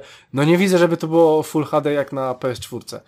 Więc e, tak, więc e, no, no mówię, nowe konsole mogą to załatwić sprawę i to jest w sumie też e, do, dobra, być może bardzo dobra gra właśnie na start generacji, szczególnie jeżeli faktycznie mają jeszcze zamiar ją e, ładnie podrasować. E, to by było coś dobrego. E, no. No to dla mnie to jest właśnie taki tytuł, który czeka. czeka. kolejce. No i No. powiem wam, powiem wam, e, że niech on sobie czeka, e, bo Rafale, mm, no bo teraz, teraz go po prostu szkoda, tak? E, No ja, rozumiem, no dokładnie zdaję sobie z tego sprawę. A powiedz mi, jeżeli chodzi o same trofea, bo... prościutka, prościutka platytka, no. Nie, ale to nie chodzi o to, czy ona jest prościutka, bo wiesz, że ja tam za specjalnie nie wbijam, ale mówisz, że, że, że się zastanawiasz nad jakimś odejściem od tych platyn i tak dalej, że ci szkoda czasu, no ja rozumiem, tak, tak, napływ tak, no. gier, różne takie rzeczy, a no Sony troszeczkę pozmieniało się tam w trofeach. Jak to w ogóle ty odbierasz, bo ty jako jedyny z naszej trójki się Ale, te e, o- tematy. o czym- chodzi mi o czym- o, o przeliczenie punktów, Znaczy, Miałeś już okazję z tego korzystać? W ogóle dużo tych punktów dostałeś? No bo oni wy, wyrównali mniej więcej to do poziomu takiego, że jest jakieś tam, nie wiem, no jedna gra na tysiąc punktów podzielona, tak? No, Podobnie jak w Xboxie. no, no, no. I, i, I nabijanie tych punktów. Tylko, że chyba to się działo zanim grałeś w Mediuma, więc nie miałeś okazji tego za specjalnie tam przenieść. Ale to, że ci jakoś tam podrasowało te Kontrola, poziomy, Rafał, zrobiło- kontrola grałem. No, Mediuma jeszcze nie grałem. No, kontrola, tak.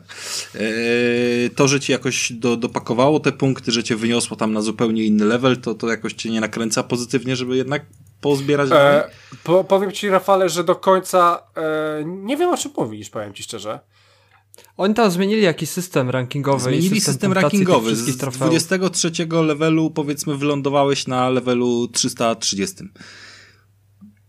To będę musiał to spra sprawdzać, bo sprawdzić, Musisz, bo, odpa- musisz odpalić playkę, wejść w trofea i zobaczyć. No No to- to jakby właśnie- tydzień temu się to właśnie wydarzyło. tak chyba, zrobię, w zeszłym ale- tygodniu. Ale, ale dlaczego twoim zdaniem e, pytasz się mnie, e, czy powinno być lepiej, czy nie? Bo Znaczy, Bo- no cały zamysł tej zmiany e, miał być taki, że szybciej ci będą rosły poziomy, no bo jakby mm, ilość punktów za poszczególne trofea zdobywane e, była do tej pory taka sama, no miałeś brązowe, O srebrne Boże, i, właśnie widzę. I, i, i złote mam, i które masz? platynę. 390 mam. Ile? 390. No to, to nieźle. No jakby teraz jest efekt taki, że wystarczy powiedzmy przejście jednej gry kolejnej, tak? Czy, czy dwóch, żeby wbić kolejny poziom. No to wiadomo, że to jest zupełnie inne poczucie. Tak jak Przejście. przejście, wbicie, no jakby powiedzmy, że wbicie calaka, no. E, no nie, chyba nie. Chyba musisz mniej, wydaje mi się, bo, bo 390 ja mam 56 platyn. E, Okej, e, Ile? 56 platyn mam. Ja mam dwie. Ale to na Ja mam- PS4, ja mam z bo mam ale- jeszcze... Na, ja mam jeszcze ten... Ale dobra, nie, nie, nie, wiesz co, Rafale, nie wiem, to jest dla mnie dziwne. Eee, nie wiem, nie wiem, znaczy to, co było poprzednio, było fajne. Nie wiem, czemu zmienili i tak podnieśli te poziomy. Znaczy na pewno będą się szybciej wbijały poziomy i na pewno będzie, bo tak jak na Xboxie masz, nie? No to masz punkty i masz możliwość rozbijania tych punktów po zależnie od gry 10, 20, 30, 50, 70, 100 i tak dalej, i tak dalej. Po 200, po 300, po 500 masz te y, punkty, nie? Mhm. I teraz tak samo będzie do 1000 jakby szereg trofeów. Będziesz miał no 3 tak, brązowe, to, to ja, to ja 3, widziałem... 3 złote, 3 srebrne i, i dopiero platynę. Aha, aha, no to Czyli słuchaj, mogą być e, wartościowane jak, zupełnie inaczej jak, te, te, te e, jak, jak zagram w jakąś taką grę, powiedzmy na nowej generacji i zobaczę do, do końca o co im chodzi, no to wypowiem się na ten temat. Już widziałem chyba tego mema, że jakiś koleżka ma 999 i czeka na PS6, tak? E, no. E, tak, e, to, to wiem. E, zobaczę, Rafale. Po raz pierwszy to widzę w ogóle, więc zobaczymy jak to w nowych grach będzie. Na razie jest to dla mnie dziwne. E, to, co było poprzednio, było spoko, ale jeżeli oni coś jeszcze mają za nadrzut do tego, to zobaczymy, jak to będzie wyglądało. E, dobra, słuchajcie, będziemy kończyć pomału, więc Control jak najbardziej polecam wszystkim. Świetna gra, ale już na nową generację. Naprawdę na nową generację. Szkoda, szkoda, szkoda tych naszych CPU, GPU na, na starych sprzętach. słuchajcie, standardowo bezimienny.pl wchodźcie. E, oczywiście Facebook, e, bezimienny podcast, fanpage, e, wchodźcie na grupę e, facebookową również. E, poza tym oczywiście jesteśmy na YouTubie, na Spotify'u, na wszystkich apkach e, podcastowych. Jesteśmy na Twitterze, bezimienny podcast, zobaczcie sobie, dodajcie nas, obserwujcie nas. No i oczywiście Instagram, Rafał wrzuca fajne rzeczy, więc ten, a, ten. A przy, przynajmniej przypadkiem jakiś crash nie jarał Zielska albo czegoś takiego, Rafał? Crash, nie Jara Zielska? Nie, nic takiego nie, nie miało miejsca. Okej, okay, nie, no bo ten, tak, tak sobie pomyślałem. Dobra, więc słuchajcie, to by było na tyle. 169 odcinek dobiega końca, e, więc... E, Jeżeli standard... pytasz o Amsterdam, to Spider-Man był w Amsterdamie. Aha, ale okej, okay, no okej. Okay. Domyślam się. A wrzucałeś coś e, na Instagram z tego? Jeszcze nie, Amsterdamu jeszcze nie wrzucałem. No, bo myślałem, że od razu wrzucisz to, co nam wrzucałeś, myślałem, że wrzucisz. E, dobra, więc słuchajcie, śledźcie też Instagram, e, no a my kończymy 169 odcinek. E, moim gościem był Michał Stiller. E, dziękuję bardzo, do następnego razu. Chciałem powiedzieć oglądający seriale Michał Stiller. Po, po, po nagraniu. Okej, okay. E, był z nami Rafał Radomyski. Dziękuję wszystkim, pozdrawiam. E, I za pierwszym mikrofonem był Christian Kędera. My standardowo słyszymy się za dwa tygodnie, więc do usłyszenia, drodzy słuchacze. Trzymajcie się. Hej.